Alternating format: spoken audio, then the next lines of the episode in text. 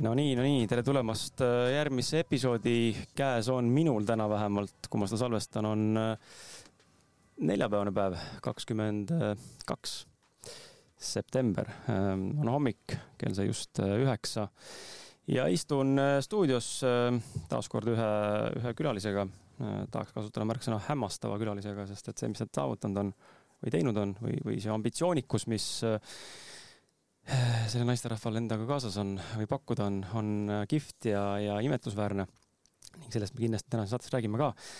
sissejuhatust äh, Marge kohta leiad sa tekstina siis loomulikult kõikide podcast'i kanalite ja selle konkreetse episoodi kirjeldusest, samuti ka Facebooki postitusest. siin ma seda ette enam ei loe. et äh, aga lähme saate juurde, enne kui päris äh, küsimuse ja vastuseni või siis äh, Marge monoloogini jõuame, siis äh, ma teen väikse reklaami ka siia äh, omale heale, heale tuttavale, kes siis äh, tegelikult meie saateid toetab, et äh, Marge, sul on siin väike kingitus ka.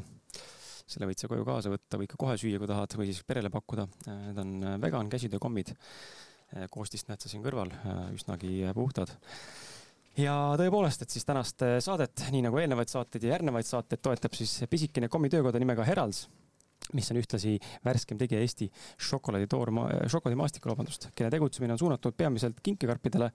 valikus on siis tõesti kolme mõõtu karpe ning viit sorti komme. Nende seas on pistaatsiatrühvlid, kookosekommid, kohvikommid, klassikalised piimašokolaaditrühvlid ja loomulikult siis minu lemmikud ja siin saates ka külalistele pakutavad vegan kommid ja Heraldse kommid on siis valmistavad Eestis tooršokolaadiga ning neis on kasutatud puhtaid ökokoostisosi, neis puudub ka valge suhkur ja kui soovid lisainformatsiooni, siis vaata äh, www.heralds.ee kuule suur,, suur-suur tänu, mulle väga meeldib see ja ma ei tea, kas nad, kas Heralds tegi selle, selle ilusa äh, kirja siia peale või, või minu. see on sinu? minu okay., minu, minu palve. sa pead neile ütlema, et see on hea äriidee, sellist äh, personaliseeritud äh, kirja teha, nii mulle et väga armas. see annab siukse isikliku touch'i juurde ja, ja mis iganes sa kirjutada tahad, see annab natuke rohkem juurde, et kihvt mõte minu meelest ka mm. -hmm. aitäh!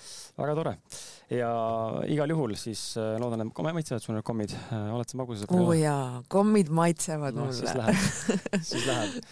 et äh, ma olen ka üllatunud äh, positiivselt, et äh, väga suur kommisõber, šokolaadisõber ei ole, aga, aga Horre Salustut tunned?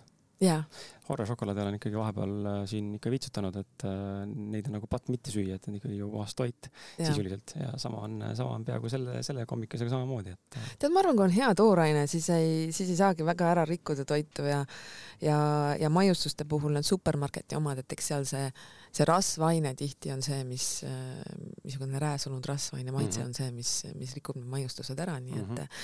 et ma olen täitsa kindel seda koostist vaadates sellise vana foodish'i tegijana, siis siis, äh, kõlab väga hästi.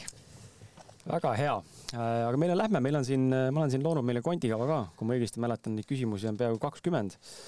Äh, kas me nüüd kõik ette jõuame võtta, seda ma ei tea, aga kindlasti tuleb siin spontaanset kassi juurde, aga üks kindel visioon mul on, ma tahan jõuda saatega sinna, et inimesed, kes seda kuulavad täna, siis et saaks nagu killuke sinust ähm, kaasa endaga ja mitte ainult killuke, vaid just see osa, et äh, mõned isikuomadused võib-olla või mõista mingeid omadusi paremini, mida enda juures pole veel täheldanud või enda juures märganud või enda juures avastanud. ja, ja ma arvan, et äh, igalt inimeselt on midagi õppida. Ja seetõttu lähmegi kohe esimese niisuguse natuke eksistentsiaalsema küsimuse juurde äh, mis mind ennast ka huvitab just, et äh, kuna ma ise olen ka sellises vahepealses etapis täna, äh, siis oleks huvitav kuulata ja ma usun, et paljud inimesed, kes meid kuulavad, on, no ma tean, et inimesed on etappides, kus teinekord ei olegi elus eesmärki, visiooni, ma ei tea, missiooni või, või mingit sellist ambitsiooniku, ambitsioonitunnetust või asja, et noh, lihtsalt seisad paigal, midagi nagu justkui teha ei ole, kuhugi liigu, aga samas midagi nagu sügeleb, aga ei tea, kuhu. ja esimene küsimus on just loodud selle pealt ka, et mida sa nagu mida sina soovitaksid, äh, et või milliseid soovitussõnu sa jagaksid äh, just nimelt ennast avastavale ja leidvale inimesele? et kuidas leida, leida see enda nagu tee ja see teekond ja, ja see siht, kuhu siis lõpuks nagu liikuma hakata või vähemalt kasvõi siis ajutiselt või etapiliselt. sest elu on pidevalt nagunii muutuses ja, ja keegi ei eeldagi, et me kümme või kakskümmend aastat ühte asja teeme, see on küll tore, kui keegi suudab püsivust näidata ja tal kirg säilib, eks ole, aga pigem see asi vahetub. et kuidas sina nagu seda asja näed või, sest sa oled ka oma elus väga palju asju teinud ja ühte alustanud, ühte lõpetanud, võtnud kohe uue asja ette, mõnikord teinud kahte asja korraga, et äh, natuke räägi enda, enda nagu nägemust sellest teemast mm. -hmm. ma olin viimati selles äh, olukorras poolteist aastat tagasi, kus ma siis lõpetasin ühe minu jaoks elu kõige pikema tööprotsessi, see oli siis viisteist aastat buduaari vedamist ja ülesehitamist ja ja ma tegelikult kuni viimase päevani, ma ju teadsin ette, see müügiprotsess, ettevõtte müük toimus aastal kaks tuhat kaheksateist ja ma teadsin ette, et ma pean töötama kolm aastat selles grupis, TV3 grupis. ja, ja pärast seda on mul siis vabadus teha, mida ma tahan. ja, ja tead, Kris, ma kuni viimase päevani ei teadnud, mida ma tahan teha ja, ja, ja mida ma siis nüüd pärast seda teen, sellepärast et kogu minu, kui ma midagi teen tööalaselt, siis ma, siis ma panen sinna ikka oma hinge täielikult sisse ja mul ei ole väga aega millegagi kõrvalt tegeleda. et ma panin seda juba suhteliselt noorena tähele, ma tegin oma esimese ettevõtte, ma arvan, ma olin kakskümmend kaks, aga samaaegselt ma töötasin kogu aeg kuskil teistes ettevõtetes ja siis ma üritasin sealt kõrvalt neid oma asju käima tõmmata. ja see ei õnnestunud mitte kunagi sellepärast et, et, et noh, võib-olla, võib-olla on neid inimesi, et nad nagu panevadki siis kogu selle oma ärkveloleku aja sinna, sinna töö alla ja, ja siis, siis on seal piisavalt neid tunde, et jagada erinevate projektide vahel. aga ma proovisin seda korduvalt ja korduvalt see ebaõnnestus ja siis ma sain aru seal kahekümnendate lõpus, et ma pean selle pulli ära lõpetama, ma pean võtma selle riski ja, ja ma pean nagu siis teistele töötamisele selja keerama, kui ma tahan üldse proovida siis ettevõtlust ja, ja nüüd ajast jälle natuke edasi liikudes, et siis, siis jah, eelmise aasta kevadel ma olin täpselt selles samas seisus ja ma mõtlesingi, et, et, et kuna mul, mul kogu aeg toodab ideid, siis, siis et, et, et kuidas see nüüd saab olla siis, et täna mul ei ole ühtegi ideed, mida ma tahan teha. ja, ja sellepärast ma nagu ei muretsenud, sest et ma teadsin, et küll need ideed tulevad ja mõtted tulevad ja, ja oligi, ma praktiliselt kuu aega ei teinudki midagi muud, kui äh, vaatasin Netflixi äh,, üle pika aja sain lugeda juturaamatuid äh,, noh, kõndisin, tegin sporti, et, et kuidagi lihtsalt äh, vedelesin ja siis äh, oli maikuu ja ma mõtlesin, et ah, et, äh, et tegelikult mind need toiduasjad on alati huvitanud, et ma hakkan lihtsalt siis äh, Instagrami oma sõpradele oma mingisuguseid toidumõtteid jagama. Ja, ja esialgu oli see selline kinnine grupp ja kutsusingi sinna lihtsalt nagu oma olemasolevast kinnisest grupist mõned inimesed, keda ma teadsin, keda see teema kõnetab. ja siis keegi ütles, et kuule, et, et tee see lahtiseks, et see on nii põnev ja see on nii äge onju ja, ja see kuidagi tekkis niimoodi, et keegi keegi natuke tuntumatest inimestest oli seal sõbralistis ja ütles, et kuule, et ma tahan jagada, aga sa ei lase jagada, et kas umbes, et lase vabaks, et ma saaks jagada seda infot ja siis, ja siis hakkaski niimoodi, et see, see siis see Instagrami konto nimega Foodis, äh, see hakkas nagu üle helikiirusel kasvama niimoodi, et poole aastaga äh, oli see siis väidetavalt Eesti kõige kiiremini kasvanud äh,, siis ütleme siis viimastel aastatel tõenäoliselt, mitte kogu, kogu mhm. ajaloos äh,, kõige kiiremini kasvanud Instagrami konto ja, ja eks ta kasvaski läbi selle, et, et needsamad inimesed äh, jagasid muudkui äh, neid postitusi ja story sid edasi ja oli päevi, kus, kus neid edasijagamisi oli noh, ma ei suutnud lugeda, nii et, et iga mingi paari minuti tagant tuli jälle mingisugune teade, et, et, et, et keegi on nagu edasi jaganud mm -hmm. ja like inud et see jah, see kasvas hästi kiiresti ja ma tegelikult enda nime ega nägu sealt äh, ei plaaninud üldse välja tuua. nagu me oleme rääkinud sinuga, et me oleme mõlemad sellised kergelt introverdid, et mul ei ole selline mm, iseenda eksponeerimine tegelikult oluline, et mul on oluline enda ideede eksponeerimine ja, ja mulle meeldib olla selline oma olemuselt hall kardinal, et mm, -hmm. et mulle meeldib see, kui keegi ei tea ja siis ma saan nagu rõõmustada, et ah, mina tegin tegelikult selle mm. -hmm. et, et, et see on minu jaoks suurem nauding kui see, et, et ma kuidagi nagu ise, iseennast seal esile toon ja seetõttu seal jah, seda nime tagant ei jooksnud, aga siis võttis üks tuttav ajakirjanik võttis minuga ühendust äh, teadmata siis, kes ma olen ja ütles, et kuule, et teeks Päevalehte loo sellest, et see on väga äge konto ja nii kiiresti kasvab ja kõik fännavad ja, ja siis, siis, siis ta tegi selle, selle äh, loo ja siis selle käigus on ja siis ma ütlesin, et tead, Tiina, et ma tegelikult olen Marge mm. ja siis ta ütles, et issand jumal, et ma ei oleks osanud seda kunagi arvata, et sina selle konto taga oled ja siis, siis see oli see kapist väljatulek sügisel. aga, aga miks ma hakkasin seda rääkima, et tegelikult su küsimus oli hoopis teine, et, et kuidas nagu leida või kuidas nagu, et ma, ma arvan, et et ei peakski nagu väga pingestama, et need asjad tulevad äh, ise sinu juurde kui sa hakkad nagu väga kunstlikult neid asju otsima või millegagi algust tegema, et ega mul oli ka neid päevi, kus ma mõtlesin, et issand, kuidas see saab olla, no et see on täiesti absurdne, et mul ei ole ühtegi mõtet ja tuli selline juba paanika peale, et et ma ju ei taha olla see koduperenaine, kes siin mhm. lihtsalt, ma ei tea, paneb hommikul lapsi riidesse ja siis äh, teeb kolm korda päevas süüa ja et, et see ei ole mina, et no mul täitsa selline ärevus tuli. ja, ja, ja kuidagi sellist täiesti nagu äh, nagu kõige, kõige lihtsamast hobist, siis, siis poole aastaga kasvas selline projekt, noh, mis, mis kokkuvõttes võttis väga suure osa minu äh, igapäevasest ajast, sest et ma tegelesin teemadega foodis siis, millega ma, ma ei olnud nagu noh, mul ei ole ju toidutehnoloogi haridust, mul, mul ei ole äh, sellist tausta, et, et, et ka mitte toitumisterapeudi, ma ei tea, kursuseid või ma ei ole kunagi lugenud neid teemasid, et, et selle jaoks, et teha sellist postitust, äh, sul on äh, väga suur vastutus inimeste ees ja, ja seetõttu noh, need materjalid, mida ma pidin läbi töötama ja lugema, et et ka noh, ütleme enamus uuringuid või pigem võiks isegi öelda, et kõik uuringud olid inglise keeles uh mhm. -huh. ja, ja mul ei ole sellist eriala inglise keelt, mis tähendab, et üle pika aja ma sain aru, et ma ei oska eriti inglise keelt, sellepärast et ma pidin neid termineid kogu aeg hakkama guugeldama.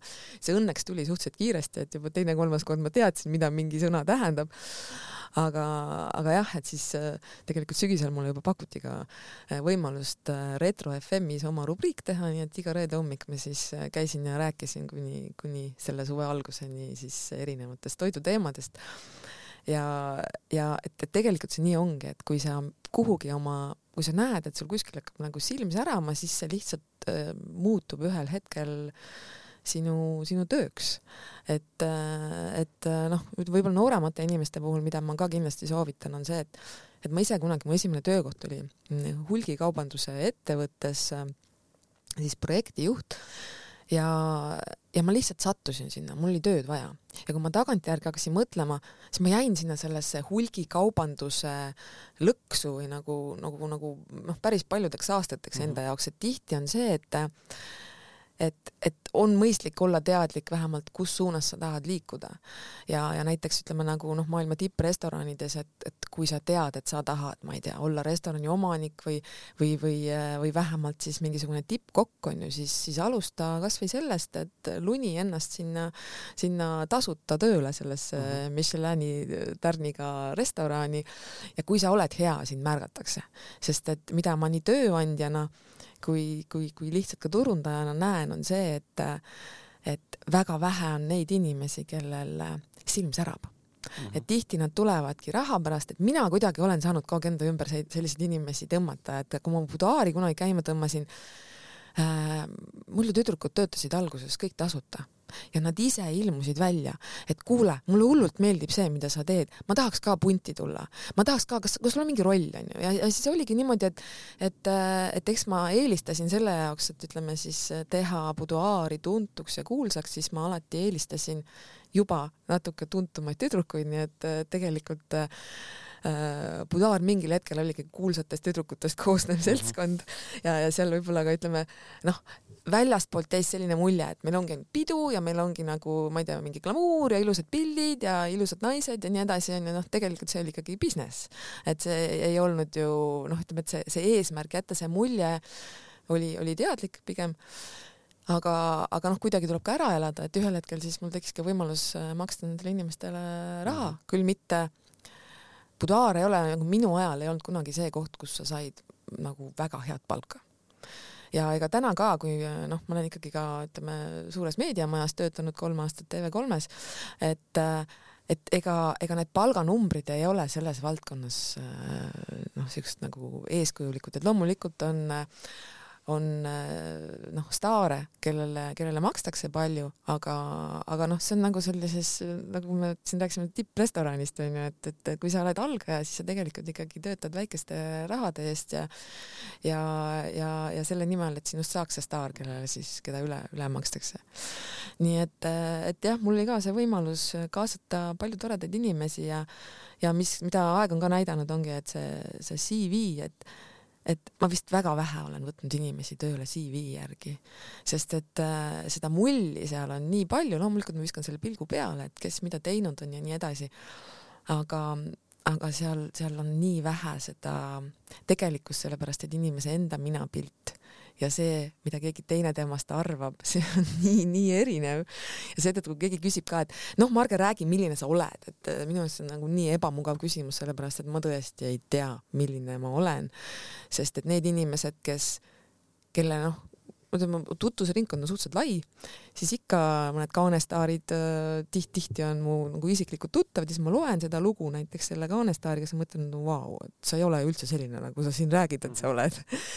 et, et tõenäoliselt ongi see, et tema ikkagi on enda pilgu läbi selline, nagu ta räägib, aga see, millegi, millise külje pealt keegi teine või kolmas on teda näinud, noh, see on hoopis teine ja seetõttu Äh, mulle alati meeldib mõelda öelda, et inimeste vahel on see keemiline reaktsioon, et et, et noh, me olemegi nagu, nagu Mendelejevi tabeli need äh, erinevad keemilised elemendid, et kui meid nüüd nagu kokku panna, siis, siis see reaktsioon on erinev, et, et mhm. sina oled ikka seesama keemiline element, aga see, kuidas sa mingi teise elemendiga reageerid, noh, et kas tuleb plahvatus või ei toimu mitte mingit reaktsiooni, see, see nagu natuke sõltub ikkagi sellest äh, ühisenergiast, onju. -hmm et, et seetõttu äh, ma olen hästi palju jah, inimeste valimisel katsetanud, olen ka korduvalt puusse pannud, valesti hinnanud äh,. aga, aga ega sa teistmoodi seda teada ei saa, nii et kuidagi nüüd see teema läks nii lappama, aga ma tegelikult, noh, ühesõnaga tahtsin jõuda ikkagi sinna tagasi punkti ah,, sinu küsimuse juurde, et et anna aega ja teiseks, et tee seda, mida sa nagu, ma ei tea, mis, mis sul kuidagi või nagu noh, tegele lihtsalt mingite asjadega, mis sul paneb silma särama, et et ja, ja sealt tuleb see, kasvab sealt see asi välja, et muidugi tihti on see, raha on küsimus, et inimestel ei ole seda aega.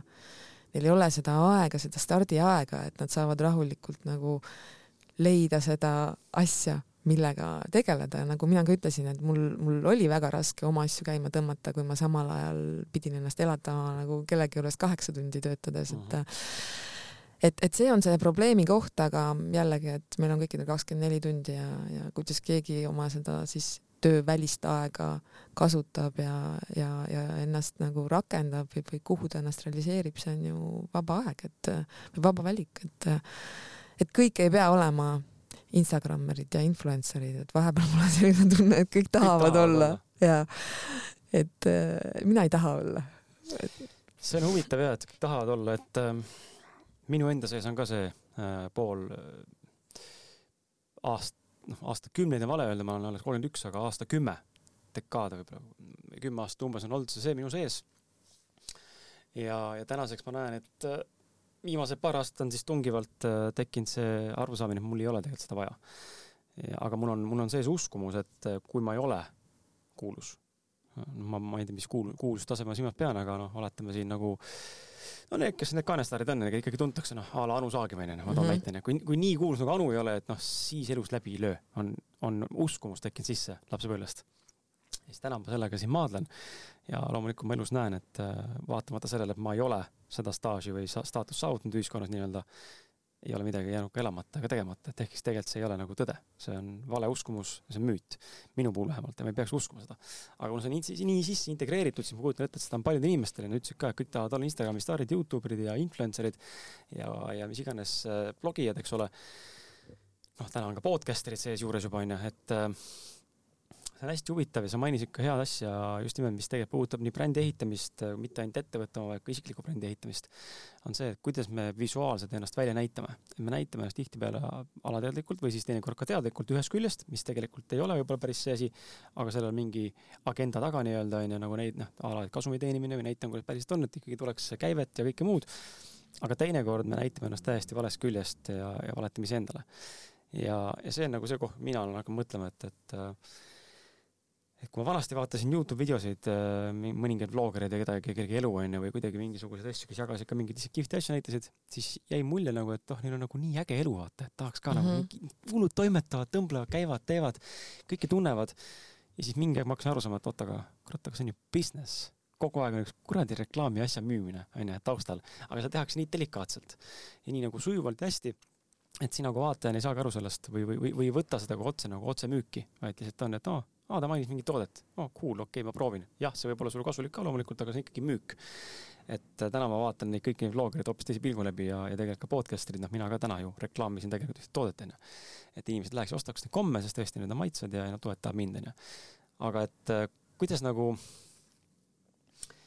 kuidas nagu sina sellesse, korra puudutan just sotsiaalmeediat, et kuidas sina seda sotsiaalmeediat siis ette kujutad, et kas, kas on siis vaja ilmtingimata näidata ennast päris autentselt, sest autentsus teinekord võib olla ka igav, noh, kui sa oled väga introvertne ja, ja istud kodus, eks ole, midagi ei tee, onju, või, või sa näiteks ongi, noh, toon näite sinu poolt, onju, et toome nagu näite, et oletame, kui sa olekski valinud selle tee, et sa oled äh, kodus lastega, ema toimetanud, onju, ja siis taustal oleksid teinud näiteks äh, ma ei tea Mm, mingid muud ettevõtted või olnud superblogija näiteks selle Foodishiga, et kui see poleks välja tulnud, kas siis oleks olnud seal samasugune plahvatus, kui sa poleks isiklikku marget taga olnud avalikult või pigem äh, see ei olnud nagu väga määrav, et sa näitasid enda nagu olemust? Sest see on see küsimus. ma arvan, et seda saab teha nii ja naa. minu mhm. meelest mm -hmm. näiteks noh, Nublu oli ju hea näide, et nüüd küll teatakse temast palju rohkem, aga mm -hmm. aga ta sai kuulsaks oluliselt enne, kui, kui tema persoon sai inimestele mm -hmm. nagu teada ja, ja, ja tuntuks et, et saab teha nii ja naa ja kui sa teed ikkagi head sisu, siis, siis sa ei pea ennast selle nimel alasti kiskuma ja, ja, ja nagu ütleme siis noh, oma, oma hinge kõikide ette laotama. et ega noh, ma arvan, et tänaseks on vähe alles jäänud neid inimesi, kes ei saa aru, et, et Instagram või mis iganes kanal, et see ongi vaid väike väljavõte ja inimesed äh, nagu loovadki siis läbi enda pilgu äh, äh, nagu parimat äh, imagot või, või Highlight, highlight'e. just, just on ju, et et see noh, et see, see ei ole tegelikult pettus, vaid see ongi pigem kunstiliik, see on turunduse liik, et mina, mina nagu ei noh, ütleme kasvõi see, et noh, sa näed ju näiteks, et, et suurel osal naistel on pildid on töödeldud, onju et mingid filtrid on peale pannud, mis teevad, ma ei tea, silmad kitses, kitse silmade suuruseks ja huuled ajavad prunti ja pihad on väga peenikesed, päriselt saad kokku mõtelda, et okei okay,, et, et, ei tunne enam inimest äragi ja et aga, aga ma ei, ma ei näe seda kuidagi nagu halvustavalt või see, ma võtan seda ka kunstiliiki, see on modernne kunst, inimesed äh, teevad seda kunsti iseendaga see on igaühe enda valik, kas ta tahab seda teha, aga, aga neid olukordi, kus, kus ma ka noh, saan kellegagi kokku, näiteks ongi see, et intervjueerid kedagi, kutsud CV järgi kohale onju ja enne viskad pilgu peale sotsiaalmeedias, siis tuleb laua taha ja sa reaalselt ei tunne seda inimest mhm. ära, et, et see või, või noh, ütleme mingisugused sellised mm, nüansid inimeste puhul näiteks noh, mingi nina on ju, nina on väga selline iseloomulik asi, mida sa päriselus nagu muuta ei saa, ei saa ära peita, on ju, mingisugused nahadefektid peidad ära, nina sa ei peida ära. Ja, ja siis nagu konstantselt inimene kogu aeg töötleb seda oma nina ilusamaks, siis kui ta tuleb sinna ruumi, sa mõtled, et mis juhtunud on, onju, et, et, et, et noh, neid, neid asju, neid näiteid on hästi palju, aga ma ütlengi, et ma, ma ei heida, ma, ma ei kritiseeri mm, -hmm. mina, mina teen oma asja, minu kontod on kinnised, mulle, minu enda asjad ei olegi mõeldud nagu teistele jagamiseks, et ma alati, ma olen võtnud küll ka nagu mitte, mitte tuttavaid inimesi enda noh, siis nagu äh, sõbraks, aga, aga ma alati nagu vaatan enne seda tausta, vaatan, kes ta on ja kas ma tahan, et ta teab sellest, mis minu eraelus mm -hmm. toimub, et ma, ma olen ikkagi nii kaua meedias toimetanud, et ma, äh, ma olen näinud kuidas meedia rikub inimeste elu ära ja, ja, ja noh, muidugi seal on ka omad need võimalused, et loomulikult kasvõi nüüd, kui, kui ma hakkasin siin tormit ehitama, siis ma mõtlesin, et pagan, et miks ma ei ole äh, kasvatanud oma, oma kontosid ka võõraste inimeste arvelt, et et kui mul oleks praegu siin kümme tuhat jälgijat, on ju, ja ma nendele postitaksin, et kuule sõbrad, et näete, et mul on nüüd niisugune uus projekt siin ja kuule, et minge poodi ja proovige ja andke mulle tagasisidet, on ju, siis tõenäoliselt nendest kümnest tuhandest oleks võib-olla mingisugune tuhat mm -hmm. kohale jooksnud, on ju. noh, kui mul on tuhat sõpra, siis, siis jookseb sada kohale mm. -hmm. et, et loomulikult just eile või üleeile, äh, ma väga tihti kuulan Äripäeva raadiot, kui ma autos sõidan, et seal on noh, nagu see niisugune äh, annab siukse, ütleme siis minu jaoks olulistel teemadel hea ülevaate. Ja, ja siis äh, oli seal mingisugune lõik äh, ka mingisuguselt äkki sotsiaalmeedia konverentsilt, kus ma pean vabandama, ma selle tütarlapse nime ei, ei mäleta, aga ta kindlasti on kuulus Instagrammer. Äh, Anna äkki oli ta eesnimi.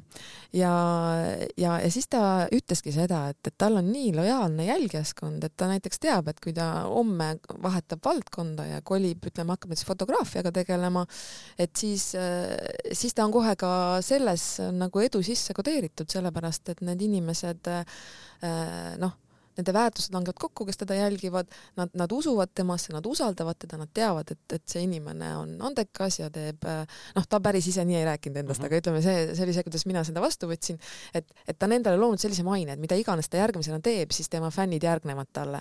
et, et see on võib-olla ainus minu silmis ainus argument oma elu teiste ette laotamiseks, et, mhm. et kui sa tõesti läbi selle suudad kasvatada endale sellise jälgijaskonna, kui sinus on see noh, ettevõtja vaim või, või noh, ütleme, et kui sa muudad selle enda nagu raha teenimise vahendiks.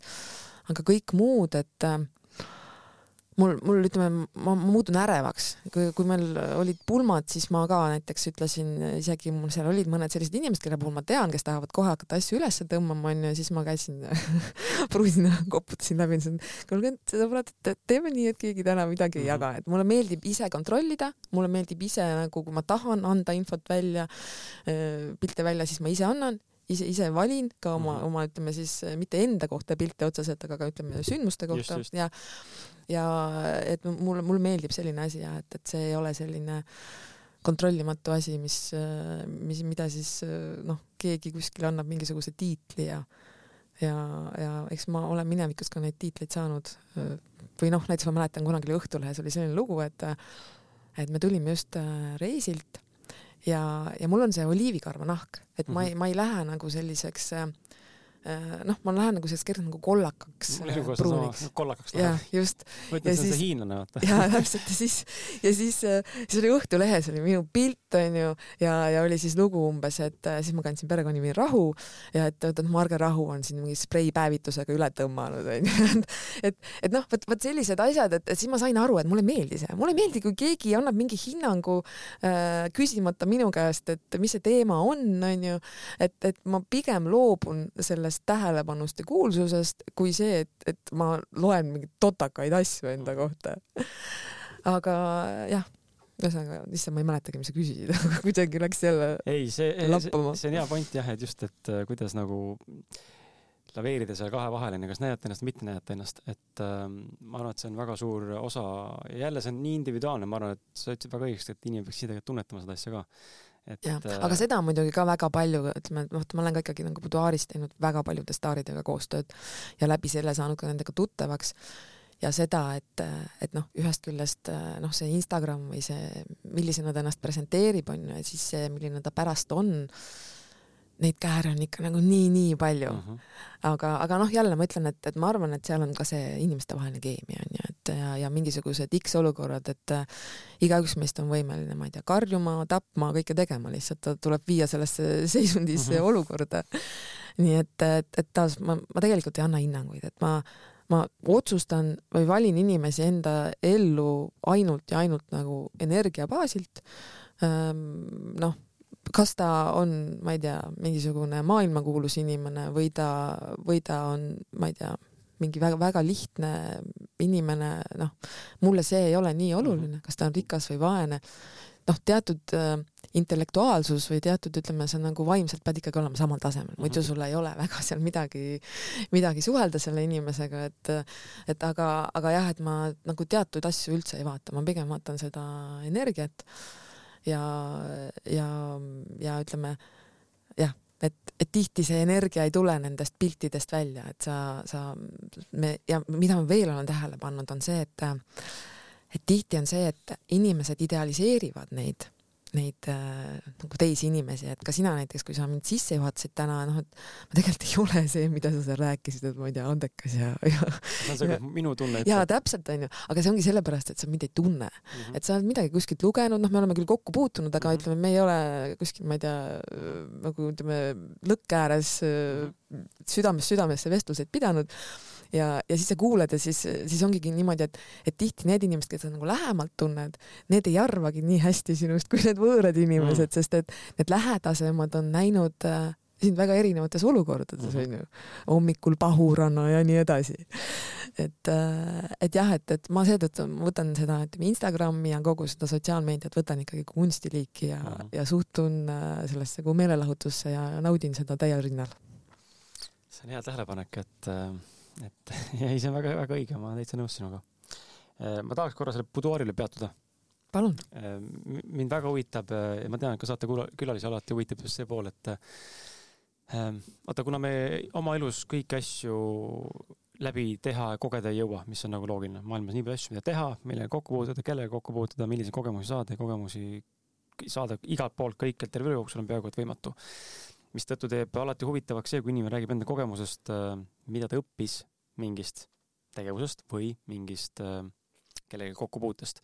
küll aga tahaks praegu puudutada buduaari ja äkki sa saad välja tuua niisugused mõningad äh, üksikud mingisugused äkki taipamised, mis, mis nagu edasi anda inimestele, mis võiks kehtida ka näiteks erinevate, ma ei tea, teiste projektide sarnaste puhul või, või kuidagi nagu üldistavamalt ja mida sa oled märganud või võib ka olla enda kohta mingi avastus, mis sa leidsid enda kohta, mitte ainult elu ega mingi tegevuse kohta. et mida on buduaar sulle õpetanud kogu selle buduaari teekonna, ütleme ülesehitusjooksu kuni siis selle müügihetkeni ähm,. mida on see sulle kõige rohkem elus andnud või õpetanud? kui peaks midagi välja tooma sealt, mõned märksõnad või mõned sellised taipamised. ja kas sul on külm? tundub, et tuleb külma, sealt ei tule? ma ei tea, praegu on täitsa okei okay. okay., jah oh,. see on, see on raske küsimus, et, et noh, ütleme niimoodi, et, et ähm, ühest küljest äh, ta, see, see, kes ma täna olen või ma ikkagi tegelesin viisteist aastat buduaariga, seetõttu noh, ma kasvasin koos, koos mhm. buduaariga, ma kasvasin selle protsessi, vabandust, käigus äh, noh, ütleme minu väärtushinnangud väga-väga palju muutusid, et et kui see esialgu tõmbas ka mind sel samal põhjusel, et mind tegelikult huvitas ilu ja mood ja suhted ja nii nagu ma ei tea, seal kahekümnendates naisi ikka huvitavad, onju, või kolmekümnendates või kui sa oled vallaline või noh, et, et, et kuidas need asjad ikka käivad ja noh, et et, et kuidas nagu äh, parim suhe endale leida ja astroloogia, noh, me, me ütleme, et naised enamasti kõik on need etapid läbinud, onju, kus mingid sellised asjad huvi pakuvad, siis siis lõpus mind enam need ei huvitanud ja, ja mind huvitasid hoopis nagu teised asjad, et ma nagu jälgisingi pigem, ma nagu kasvasin ka juhina, et, et, et ma noh, mind jah, ütleme see viisteist aastat kokkuvõttes oli liiga palju minu jaoks. et, et, et aga, aga ma ei tundnud sellist tüdimust või väsimust, vaid ma lihtsalt äh,, ma, ma ei karda riske ja, ja ma lihtsalt tahtsin midagi uut et ja, ja ma tahtsin seda umbes juba kuskil seal viienda-kuuenda aasta aasta peal eh, noh, need müügitehingud ei, ei jõudnud sinnani, et need oleks juhtunud. ja, ja et, et jah, ma arvan, et sellist äh, mingit ühte asja otseselt välja tuua, et, et, et noh, et vot see on see, mida ma sealt nüüd õppisin. ma arvan, et ma õppisin hästi palju inimsuhetest, kui sa ikkagi teed inimestega pidevalt koostööd, siis, siis sa õpid neid palju paremini tundma ja ja, ja noh, mida ma, ma ei, ma ei teagi, mida sealt nagu välja tuua. ma arvan jah, et, et noh, ütleme minu need algusaastad olid eelmine majanduskriis, mm. kaks tuhat seitse ja kaheksa ja üheksa ja siis ma olin, kaks tuhat kuus ma alustasin, nii et, et suhteliselt selline äh, keeruline aeg ja, ja me nagu liuglesime sealt suhteliselt äh, nagu kenasti läbi, et äh, et ma arvangi, et, et selline teatud mõttes äh, äh, hirmu puudumine, et, et oi, et mis nüüd saab ja kõik kukub kokku ja nii edasi, et, et ma näen nagu praegu on suhteliselt sarnane olukord ühiskonnas ja, ja kogu aeg tulevad need pealkirjad, inimesed, et noh, et hoidke kokku ja, ja, ja, ja nüüd kohe läheb väga raskeks ja nii edasi, et varuge, ma ei tea, mida iganes, puid ja ketšupit ja. veetsaverit. ja täpselt onju, et äh, et, et ma, ma usun, et teatud inimeste puhul on see oluline selles mõttes, et äh, ongi inimesed, kellel on sissetulek kuussada eurot, onju, kes äh, saavad oma selle palga kätte ja siis lähevad kohe kuskile Prismasse, topivad ostukorvi täis kõiki asju ja mm, -hmm. ja kulutavad sellest kuuesajast eurost kolmsada eurot ära ja, ja nende jaoks see sõnum on oluline. aga, aga teistel inimestel ei ole ja ma arvan, et teisi on umbes pool, kes on see, kelle peal peaks ühiskond nagu püsti seisma ja kes on need, kes peaks meid välja vedama sellest olukorrast ja, ja kui nendesse tekib ka see hirm, et kohe kukub kõik kokku, siis mis juhtub, on see, mida ma juba näen, on see, et nooremad inimesed pakivad asjad, lähevad minema uh. -huh. Lähevad äh,, neil ei ole siin kohustusi, aga nende peal peaks tegelikult see asi siit läbi, läbi liuglema sellest olukorrast, onju. ja, ja mul endal näiteks pojaklassist see aasta kaks perekonda juba lahkusid Eestist ja et, et see on nagu see, mis, mis, mis kuidagi mind noh, selle eelmises kriisis ma nägin, et ma tulin sellest läbi ja tänu sellele ma kindlasti praegu tunnen ennast tugevamana. ma tean, et kõik on elatav, kõik on äratehtav, kõige tähtsam elus üldse on tervis ainus asi, mille osas ma olen nagu fingers crossed, et annaks jumal mulle tervist, kõige muuga ma saan hakkama uh. Mhm. -huh. ja, ja noh, ütleme see, mis ümberringi toimub selles tervisevaldkonnas, et miks ma ka ütleme noh, hakkasin selle foodist'iga tegelema, tundsin, et ma tahan seda, seda, seda teadvust inimestesse viia ja tõsta, et et, et toiduga on otseselt seotud väga suur osa meie, meie heaolust ja tervisest tihti need asjad löövadki välja alles seal neljakümnendates või viiekümnendates.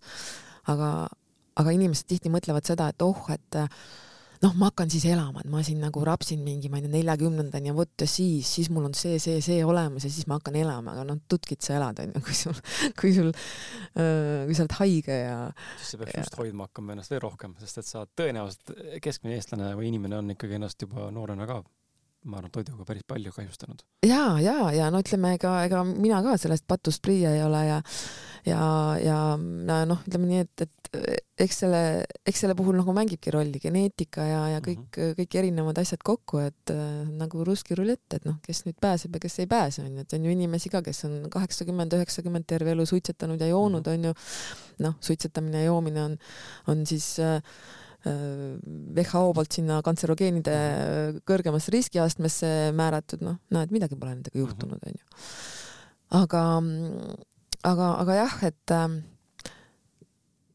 jah, ma, ma, see on nii raske küsimus, et mida, mida ma sealt õppinud, tead ma väga ei analüüsi, et ma pigem elan kogu aeg mhm. tulevikus, ma mõtlen nagu, mida ma tahan järgmisena teha, kuhu ma tahan, äh, noh, kuidas ma tahan liikuda, et ma, ma, ma ei ole veel selles etapis, et teinekord ma naeran, et kui kuskil seltskonda lähed ja siis, kui inimesed hakkavad rääkima, et noh, mäletad, kui me tegime seda ja käisime seal ja et ma veel ei ole selles seltskonnas mm.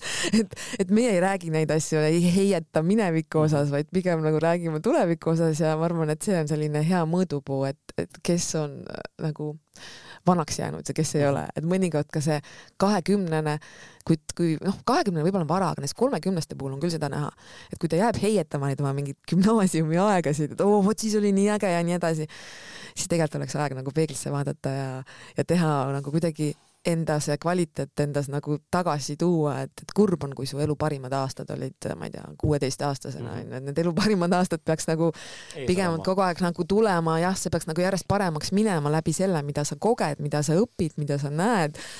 aga seda on nagu päris palju, et jah, et jäädakse sinna minevikku kinni ja et noh, see oli see hea ja ka vastupidi, vaata väga paljud ka nagu oma need mineviku mingid valud pööravad, noh, nagu jäävad nagu sinna kinni mm. -hmm et tegelikult on ju see rohkem on see mõtteviisi küsimus kui su mineviku küsimus, sest et noh, ma ei tea, me kõik oleme, näiteks minul oli vanem vend, kes oli väga tubli, eeskujulik äh,, lõpetas kuldmedaliga, mina lõpetasin kõigest hõbemedaliga kooli äh,. noh, siiamaani ta on nagu ütleme, minu jaoks väga suur eeskuju, kuidas, kuidas peaks elama, kuidas peaks elus hakkama saama ja nii edasi. ja, ja eks ka vanemad ju seda, et vaata nüüd on ju, kuidas näed vend on lihtsalt veel tütarlaps, aga näed, vend on nagu nii tubli ja seda teeb ja teist asja teeb ja ja, ja noh, mõni võiks selles olukorras öelda, et ei, et mul nagu lapsepõlves vanemad surusid mind alla ja tõid mul kogu aeg siin nagu vanemat venda või õde eeskujuks, et näed, et vot tema on ikka tubli ja sina ei ole tubli ja ma ei tea, ma arvan, see on nagu mõtteküsimus onju, et, et seal TV3-s ma mäletan, meil oli management board ja, ja laua ümber istusid siis äh, kõik osakondade juhid ja kuidagi läks nagu basaariks ja siis keegi, keegi mingi, mingi kuidagi keegi oli oma mingi alluvaga seal teemaks oli läinud, et oli midagi halvasti öelnud onju.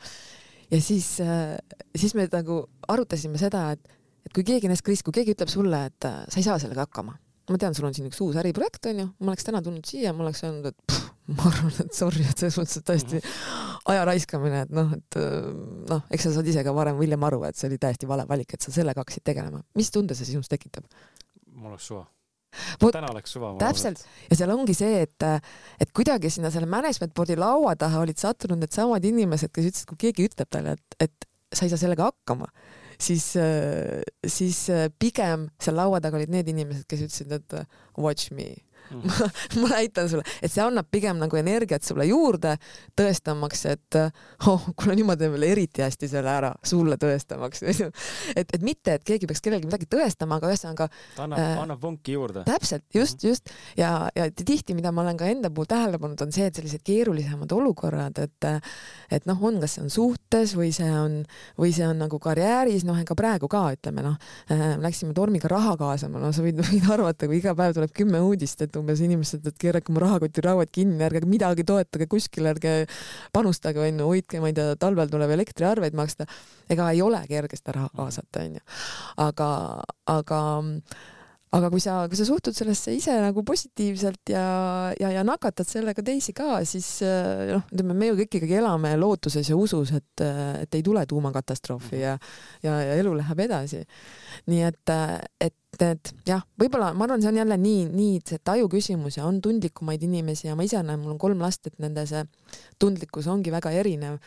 Et ei saa öelda, et ah, kuule, mis sa põed selle pärast, et keegi sulle niimoodi ütles, sest noh, mõni, mõni inimene võtab seda rohkem endasse aga see kindlasti mm, mul üks lastest on selline, ma näen, et ta võtab hästi nagu seda teiste inimeste kommentaari ja kõike sisse. siis ma ise olen enda jaoks mõelnud välja selle, et äh, kuidas mina saan teda kõige paremini aidata, on see, et äh, ta peab mingis asjas äh, olema võimalikult hea. ja siis ongi see, et, et, et, et kui kui keegi teine on mingites teistes asjades hea, siis, äh, siis ta nagu ei hakka ennast võrdlema nendes teistes asjades. noh, võib-olla see on nagu liiga praegu kuidagi nagu kaootiliselt seletatud, aga näiteks, et noh, kui sa ei ole spordis hea, onju, mhm. aga sa oled väga kõva, ma ei tea, laulja või klaverimängija, sa ei pea võrdlema ennast sportlastega. Mhm. ja, ja, ja, ja lastel tihti on see, et aga ta oli, näed, selles tubli, noh, mul ei tule see välja, mul, mul see asi on halvasti, onju, aga siis nagu panedki fookuse, aga sa oled selles väga hea. tee seda veel rohkem, onju. ja, ja, ja inimestele tegelikult need inimesed, keda, keda armastatakse ja austatakse, onju, neid armastataksegi selle mingi, tihti selle ühe asja pärast mm, -hmm. mida ta teeb väga hästi ja, ja ma arvan, et see on kõige lihtsam viis nii iseendasse kui teistesse inimestesse seda enesekindlust anda, et sa ei saagi kõiges kõige parem olla, aga tee mingit asja, tee väga hästi ja siis, kui sa tuled ruumi, siis kõik sosistavad, ütlevad, vaata, see on see vend, kes teeb seda asja jube hästi, onju. Mhm. mis iganes see siis on, mul on hea näide siin äh, sõbra pealt, äh, Peep Vain mm. -hmm. ka minu sõber kusjuures. korduvalt siin saates käinud ja. ja tema ju oma koolitajakarjääri siis äh, pani kõrvale ja nüüd hakkas tegema muusikat, eks ole. Mm. ja noh, ta ise on ka öelnud, et ta tunneb, et ta ei ole nagu nii hea, kui ta arvas, tegelikult ta võiks nagu pürgida, et tal oli mingi visioon tekkinud, et oh, ma minust võiks saada järgmine mingisugune muusik mitte küll siis nagu täitsa professionaal, aga mingil tasemel ja siis inimeste tagasisidet, ta teeb neid kontserte, eks ole, mingisuguse koos loengute ja muusikaga ja siis ma olen temaga rääkinud ja siis tema ütles ka nagu huvitava asja ja see näitas, sobib see näide siia sinu jutu juurde just hästi sellepärast, et ongi see, et kui Peep astub saali või inimesed mainivad Peebu nime, siis tavaliselt inimesed seostavad Peepu ikkagi kõnelemisega mm, -hmm. koolitamisega äh, või, või kuidagi sellise nagu autoriteetse nii-öelda oma mõtete väljendajana, äh, kui mitte nagu muusikuna.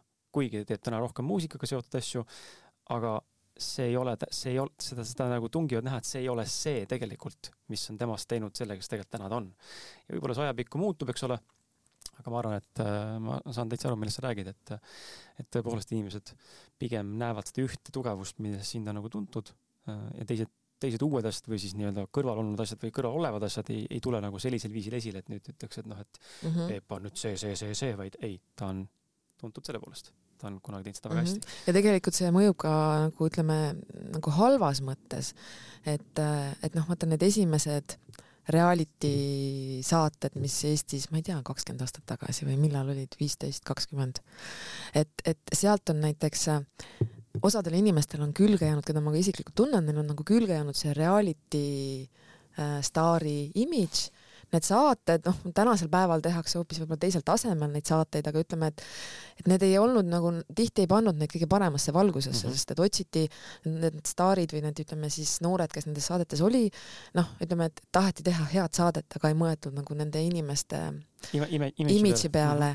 ja, ja tagajärg on see, et noh, nüüd võivad need inimesed olla magistrikraadiga ja nii edasi, väga targad, väga asjalikud, siis nad olid kaheksateist, nüüd on kolmkümmend kaheksa onju ja, ja see, ja see taak käib kaasas. Mm -hmm. ja et äh, et, et jaa, et, et noh, nende asjade peale, et tahaks küll mõelda nii, et tead, et ma ei, ma tahan olla mina ise, ma ei viitsi mõelda mingisuguse oma imago ehitamise peale, noh, ma arvan, minu vanuses enam ei peagi sellega tegelema, aga, aga ütleme noh, noor, noored nagu võiks mõelda selle peale, et, et selle et selle ajalooga tuleb elada, eriti tänasel päeval, sest et siis, kui mina olin noor, siis ei olnud veel ikkagi sellist äh, noh, ei olnud ju mobiiltelefone, millega tõmmati mingid pildid kuskile ülesse, onju, et, et, et sai kõik need lollused niimoodi ära teha, et seda ei ole keegi kuskil, jah, keegi mhm. võib-olla räägi, räägib, aga, aga mingeid jäädvustusi ei ole selle kohta.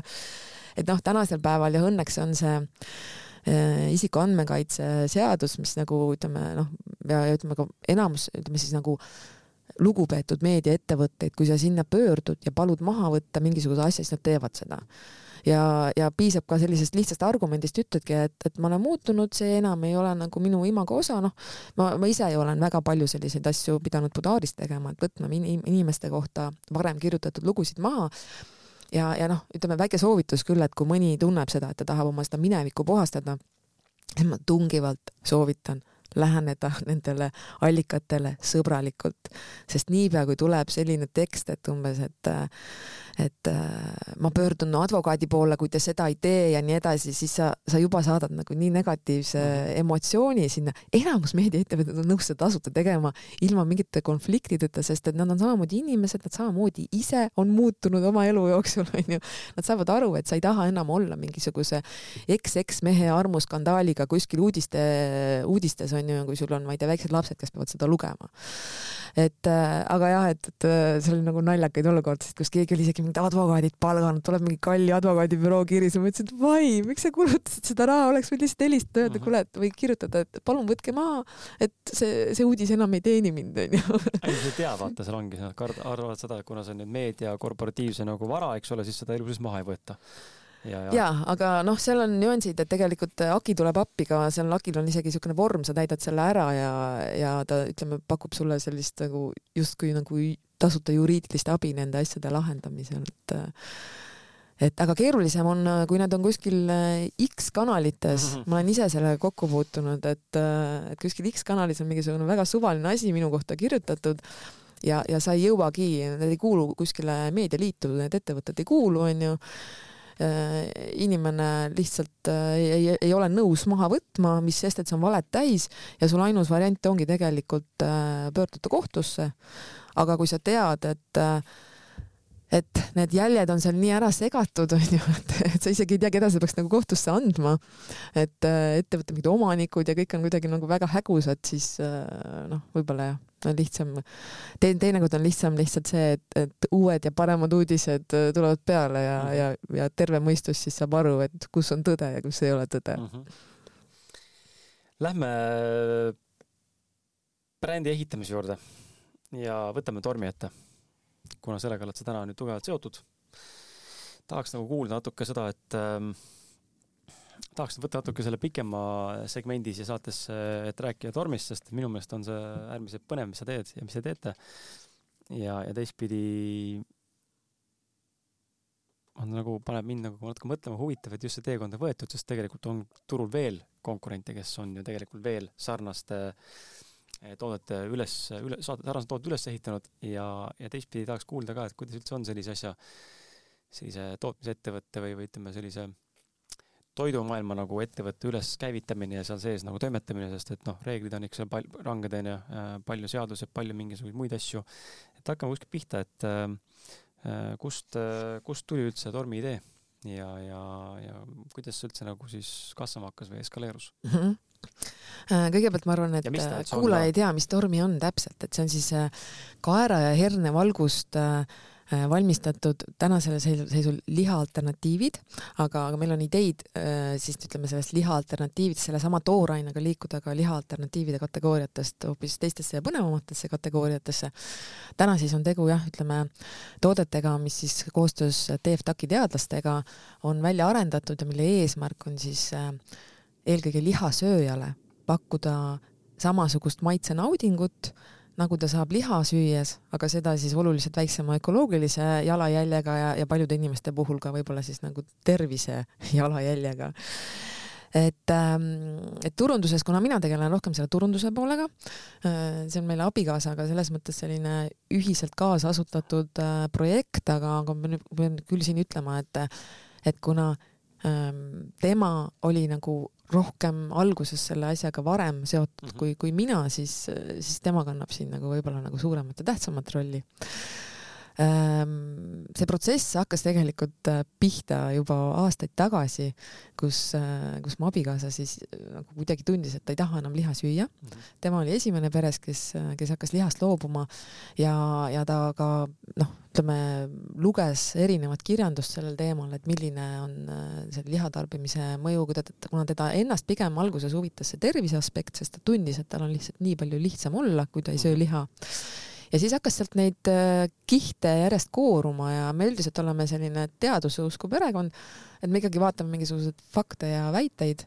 mitte, mitte ei, ei kuula nagu sellist võib-olla, no ütleme, et kokkuvõttes sa pead nagu selle pildi ikkagi kõik kokku panema -hmm. ja oma tunnetust tajuma, onju, mitte ainult teadust. infot on palju, mõlema poole pealt. jaa, aga, aga lihtsalt neid, ütleme neid fakte, millele otsa vaadata ja, ja millest järeldada, et tegelikult tuleks lihatarbimist vähendada Äh, neid läks lauale jooksma ja siis, kui ta jõudis sinna TFTAC-i ja nendega hakkas läbi rääkima, seda asja arendada, siis ka TFTAC oli täpselt samasse etappi enda mõtetega jõudnud, et, et, et tuleks sellele tähelepanu pöörata ja selliste toodetega tegeleda. ja see oli umbes selline kolm aastat tagasi ja praktiliselt kaks aastat äh, kulus siis äh, ettevalmistavale tööle teadlastega selle asja väljaarendamiseks, et nii meie veebilehel tormi.ee kui ka sotsiaalmeedias on, on ka üleval see video, mis küll on suunatud äh, väikeosanikele investoritele, aga seal videos näeb hästi, et kuidas seda tegelikult tehakse, et et ta on ikkagi selline tööstuslik toode loomulikult ta ei ole sul nagu hernes või, või kaer, mida sa põllult võtad, et sealt on e eemaldatud valk ja sellest mhm. valgust on siis nagu tehtud selline toode, et suurem osa sellest tootest koosnebki valgust. aga, aga jah, et et keskmisele inimesele ikkagi see, see maitseelamus on number üks ja, ja, ja me nagu, kus meie fookus on ka, on see, et, et, et inimene et see toode areneks nagu iga nädalaga rohkem sinnapoole, et, et reaalselt lihasööjad tunnevadki, et kui see maitseb nagu liha, siis miks ma peaksin liha sööma mm. -hmm. Ähm, minu meelest on see, see on äh, väga hea nagu koht, kust äh, just nagu turunduse poole pealt ka ja just nagu sihtgrupi mõttes ka, et just nimelt, et see maitseks nii, nagu inimene on harjunud seda sööma, aga ta on tervislikum mitte ainult inimese endale, vaid ka planeedile. täpselt, jah. aga seal on ikkagi, ma näen ise nagu suurt aga, mis ma kujutan ette, sa oled ka teadlik sellest ja see ilmselt võtab aega lihtsalt. aga seal on see aga, kuna see liha söömine on nii juurdunud meisse ühiskondlikult, mitte ainult Eestis, vaid üleüldse maailmas. noh, siis on ja seal on ja selle kohta on kahjuks või õnneks äh, Äh, varasemalt olnud, täna tuleb seda küll kõvasti vähem võrreldes varasemaga, seda informatsiooni ja teaduslikku tööd nii-öelda, et näed ikkagi ta on hea sulle, seda täna on vähem, aga see töö on, see vundament on nii tugevalt juba rajatud siia ja mulle tundub, et seda, seda lõhkuda või nii-öelda nagu muuta on raske, sest et teistpidi sul on inimeste uskumused ees, eks ole, psühholoogia ja teistpidi sul on ka teised korporatiivsed ettevõtted, kelle raha sa hakkad ära võtma või kelle, kelle kliente sa ära võtad, kes igal juhul, kellel on ka raha kinni maksta nii-öelda siis või ma ei teagi, võib-olla, võib-olla kõlab, kõlab koledalt, aga takistada nii-öelda sinu nagu teekonda sellel teekonnal, sest sa võtad neilt ära käivet, onju. absoluutselt, aga huvitav on see, et äh, siin meie piirkonnas äh, suur osa lihatootjatest on hakanud ka äh, neid tooteid Eesti turul veel ei ole aga, aga suur osa lisado-, lihatootjatest tegelikult mõtleb selle peale ja, ja valmistab ette äh, taimseid alternatiive mm -hmm. ja siin naaberturgudel on ka Eesti juurtega seotud ettevõtte lihaalternatiivid olemas. et äh, iseasi on küsimus taas see, et kui inimene, kel, kes ei otsusta ainult äh, hinna järgi, teab, et üks toode on valmistatud tegelikult lihtsalt business'iks sinna liha kõrvale, et kui lihaturg hakkab langema ja ütleme, et, et seesama ettevõte tegelikult ju endiselt äh, tegeleb loomakasvatusega ja, ja, ja, ja nii edasi, onju.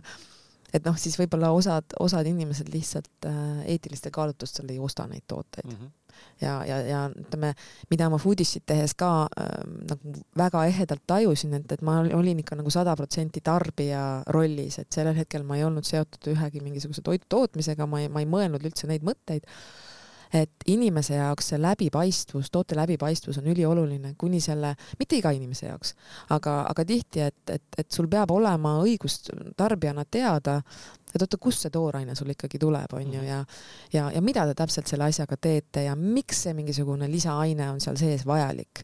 et, et äh, mida ma kohtasin Foodishit tehes, ma ju väga paljude tootjatega suhtlesin, et neid samu küsimusi küsida.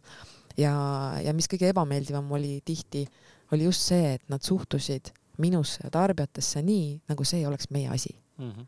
ja, ja kui keegi ikkagi ütles, et meil on kõik Euroopa Liidus kehtivate reglement, regulatsioonide või reeglitega nagu kooskõlas ja me teeme kõike nii, nagu, nagu Euroopa Liidus on lubatud teha, me ei riku siin mingit seadust, siis mul ikka tõmbas nagu harja punaseks, et, et, fine, see on tore, aga mul on tarbijana õigus teada, et miks sa paned selle aine sinna sisse, miks sa ei tee ilma selle, selle mhm. mingisuguse näiteks titaandioksiidita seda toodet, onju.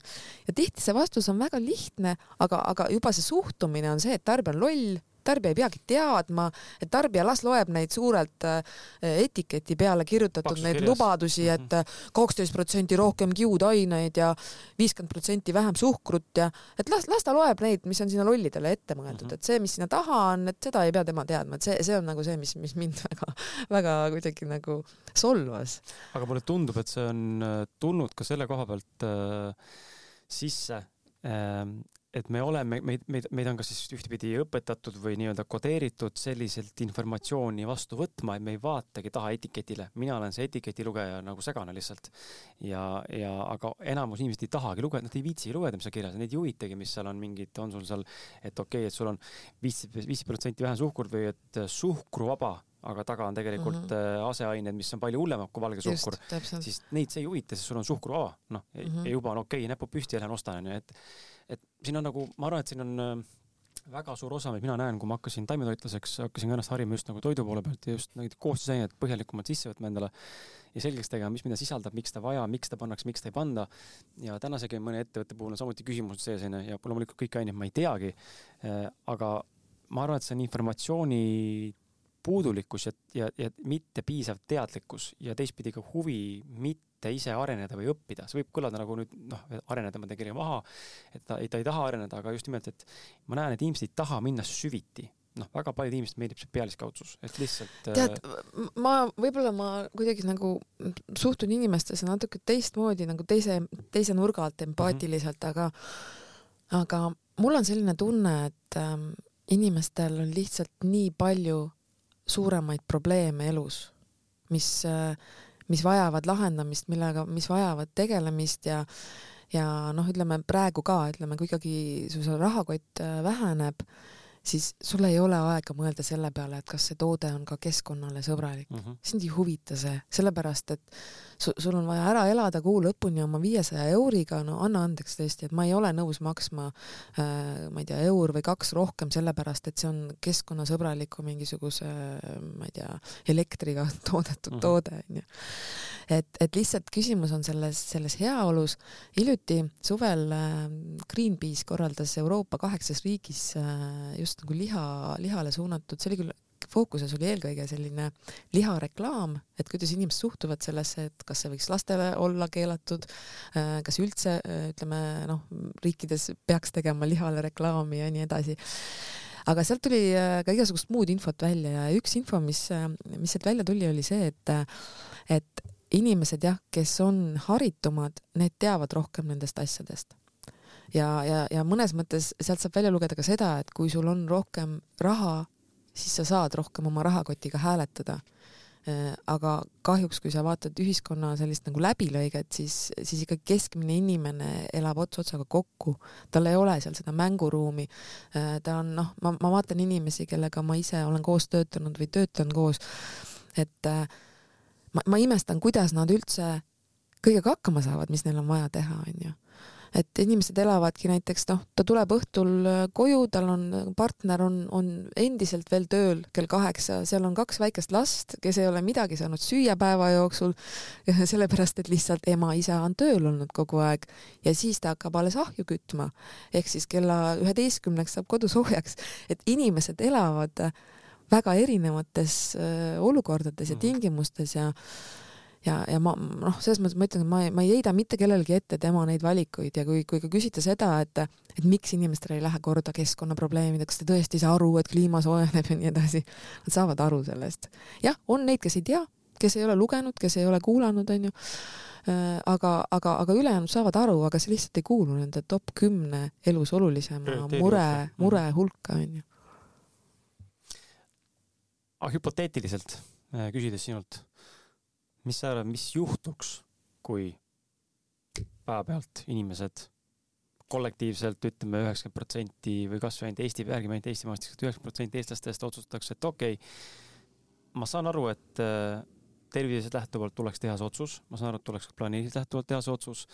Äh, rahakott küll ei võimalda, aga ma mängin niimoodi ümber, ma saan ikkagi osta neid tooteid ja teha neid asju. ma mängin oma elu natuke ümber, leiad selle sweet spot'i endale, kus nagu navigeerida enda nagu summades ja sissetulekutes, mis juhtuks, kui inimesed hakkaks päevapealt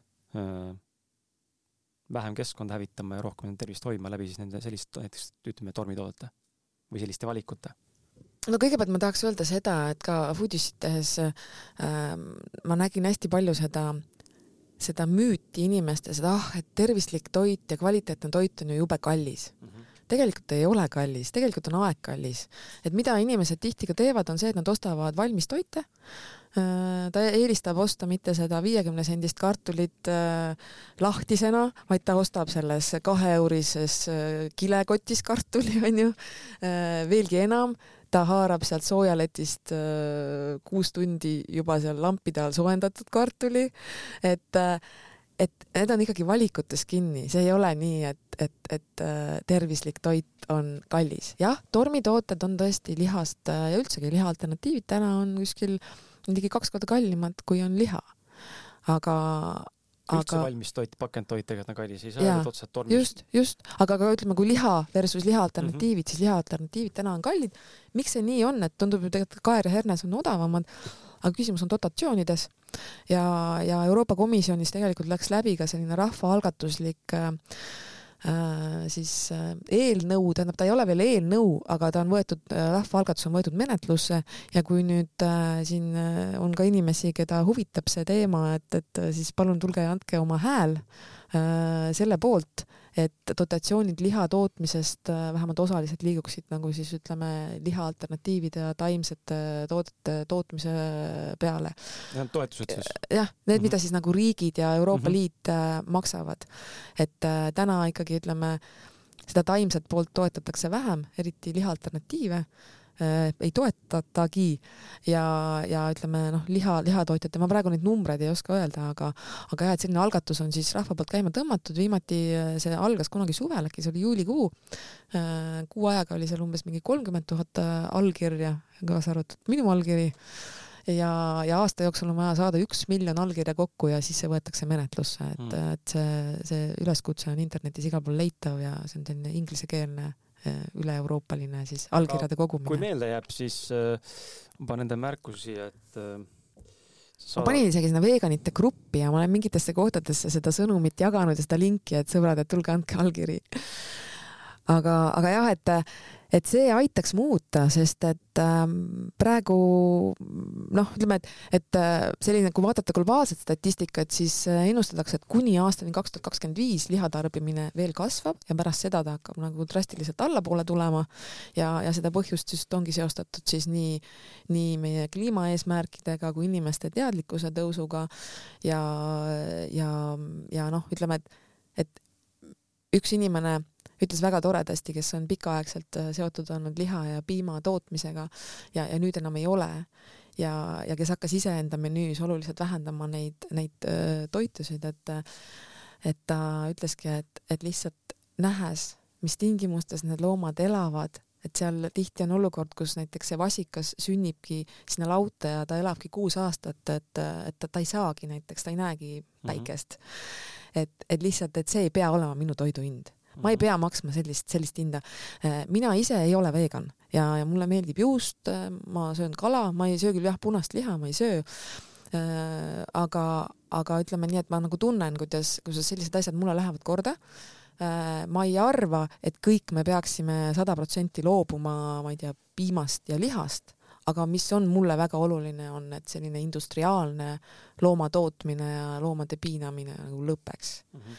et, et, et saab väga, ega ütleme noh, läbi ajaloo ju on ikkagi eestlasel on olnud oma, oma lehm ja oma põrsas hoovi peal ja, ja see, see liha osakaal lihtsalt ei ole nii suur olnud, et sügisel tapetakse ja, ja kevadeni sa siis seda sööd, on ju, seal suitsutatud või, või soolatud kujul, et, et sellist sellist loomakasvatust ma mõistan, aga, aga selline industriaalne, äh, mis veel lisaks sellele tihti võib olla ka noh, ütleme loomaliha on ju tihti täis ka antibiootikume, kui nad kasvavad seal kõik koos karjas, ähm, siis, siis profülaktika mõttes, kui noh, ütleme, et, et, et, et ei juhtuks nii, et terve, terve kari sul äh, maha sureb või väga haigeks jääb, et siis tegelikult äh, profülaktika mõttes saavad nad antibiootikume Mm, võrreldes Skandinaaviaga Eestis kaks kuni neli korda rohkem mm., see on ametlik statistika, ei ole kuskilt mingisugusest äh, alternatiivallikast äh, välja imetud.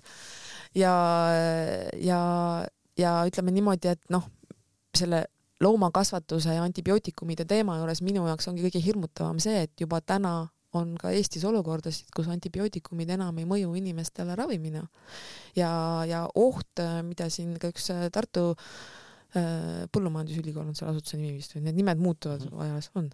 vist on. vanasti oli EPA, nüüd on, et äh, seal üks teadur rõhutas ja, ja, ja ütles, et, et need tagajärjed, et läbi, läbi siis, et meie, meie nagu siis resistentsus mõjutub või sõltub sellest väga palju, et inimesed saavad seda mitte ainult, mitte ainult loomalihast, aga ka, ka keskkonnast, aga ütleme sinna, sinna lihasse jääb seda päris palju sisse.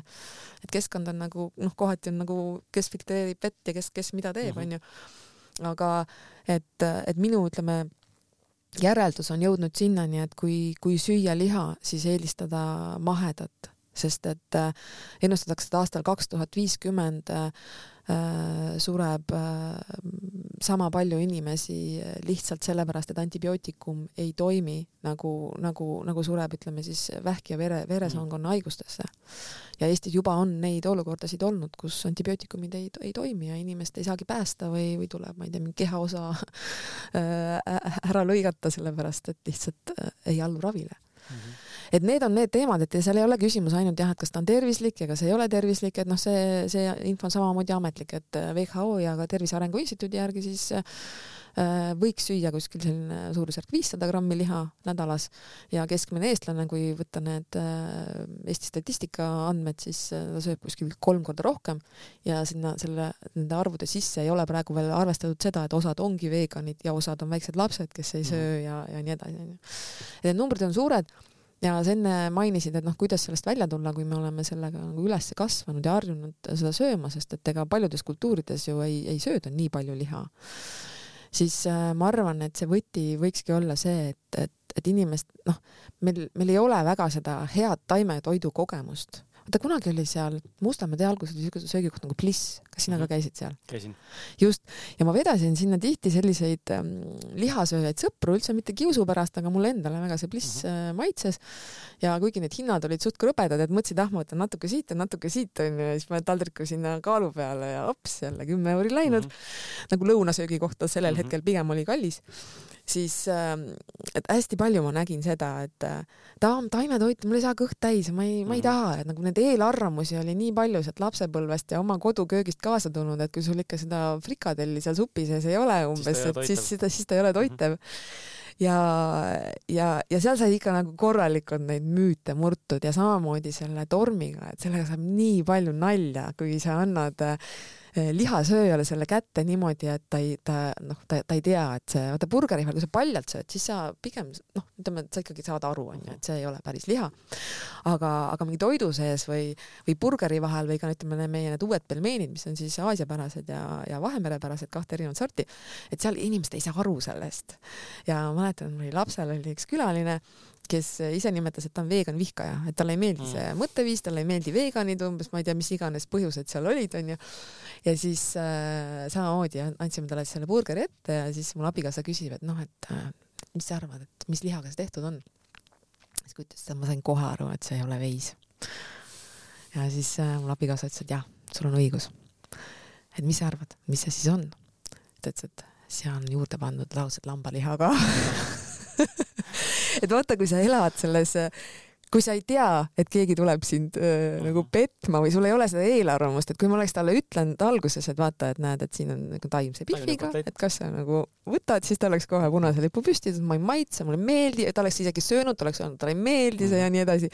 et tihti on vaja neid, neid eelarvamusi läbi sellise ootamatu kogemuse mõjutada ja muuta ja ja, ja seda, neid kirju tuleb meile postkasti ikka päris palju, kus inimesed kirjutavad, tead, et, et tihti on see vaata, et üks partner sööb ja teine ei söö.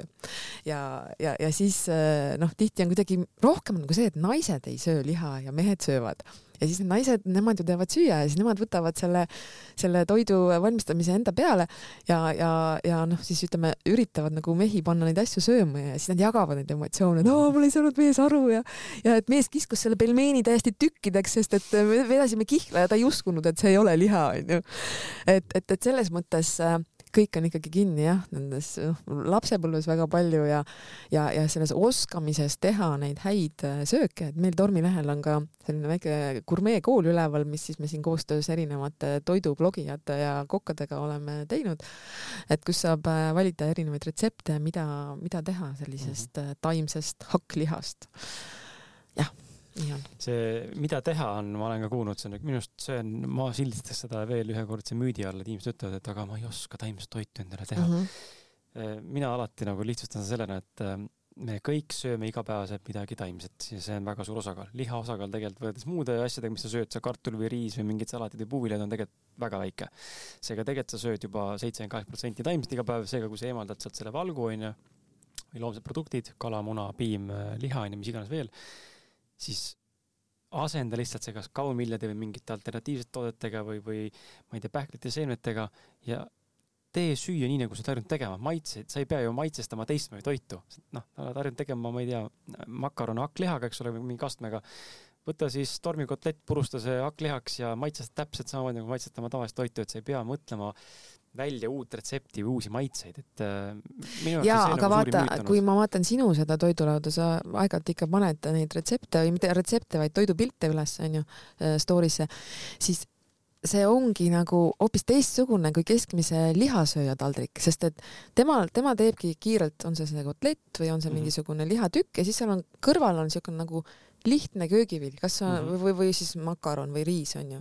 et, et ja, ja tema ettekujutus on nüüd see, et kui ta selle liha sealt ära võtab, siis tal jääbki a la mingi salat ja makaron või salat mm -hmm. ja riis, et, et ta ei oska kasutada mingit, ma ei tea, hummust või babaganushi või midagi nagu, mis täidab mingisuguse, ma ei tea, kastme rolli ja toob mingeid kiudaineid mm -hmm. ja et, et lihtsalt äh, tal puudub see kogemus ja, ja noh, ütleme, et mingites riikides, kui sa reisid sellistes kahtlasemates riikides, siis mina nagu eelistan mitte süüa liha juba puhtalt sellepärast, et ma ei, ma ei tea nagu see on, ma ei tea, nelikümmend kraadi väljas kuuma, kuidas seda mhm. tehtud on, kuidas seda, tihti pannakse sinna hästi palju neid vürtse ja ürte ka, mitte ürte, vaid eelkõige vürtse seetõttu, et et mingit bakteriaalset tegevust peatada või, või peita onju ja nii edasi, et siis ma alati eelistan neid taimseid toite ja, ja, ja noh, ütleme, et, et just, et et eelistada või proovida, et ma käisin eelmine nädal selles äh, vegan restoranis ja üllatusin, kui head hinnad seal on. Hmm.. et tegelikult äh, kõik on ju tõstnud oma hindasid oluliselt ja, ja, ja kuidagi noh, ma mõtlesin, et see on selline noh, ikkagi A-kategooria restoran vanalinnas, mis need üürid ja kõik võivad maksta.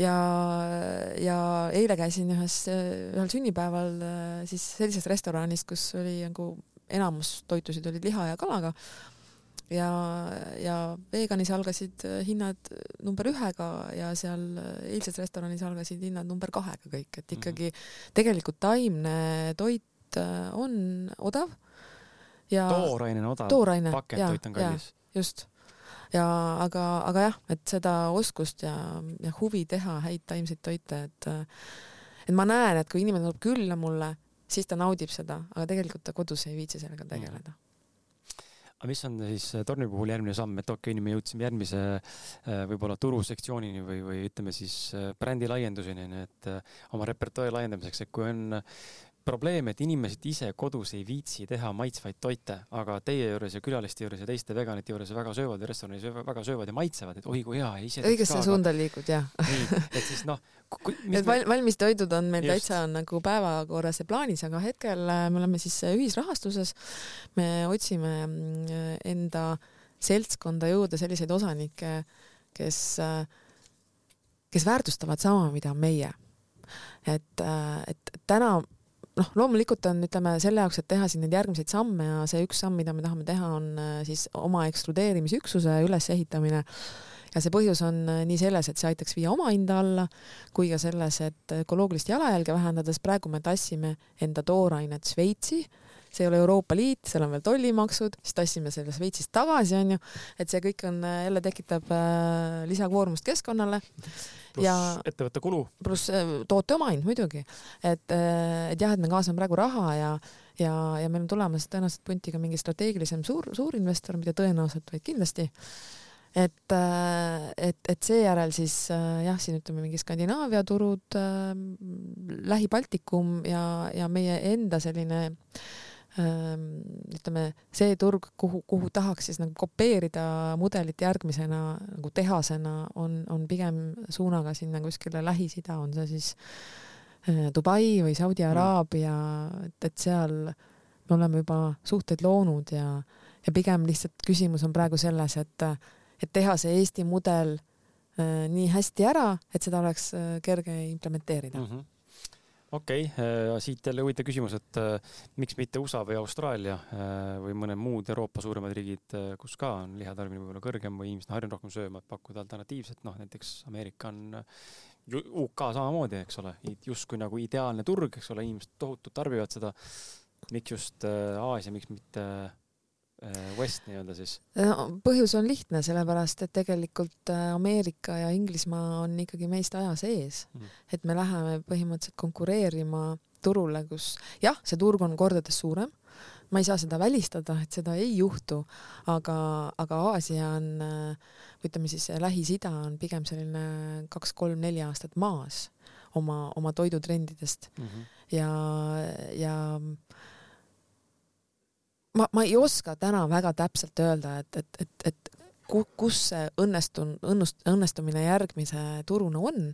et jah, et, et tihti see, see taimne valk, kui vaadata, mis maailmas toimub, siis äh, ta käitub nagu tarbija mõttes natuke liha ja piima sarnasena, et eelistatakse kohalikku toodet ja kohalikku toorainet.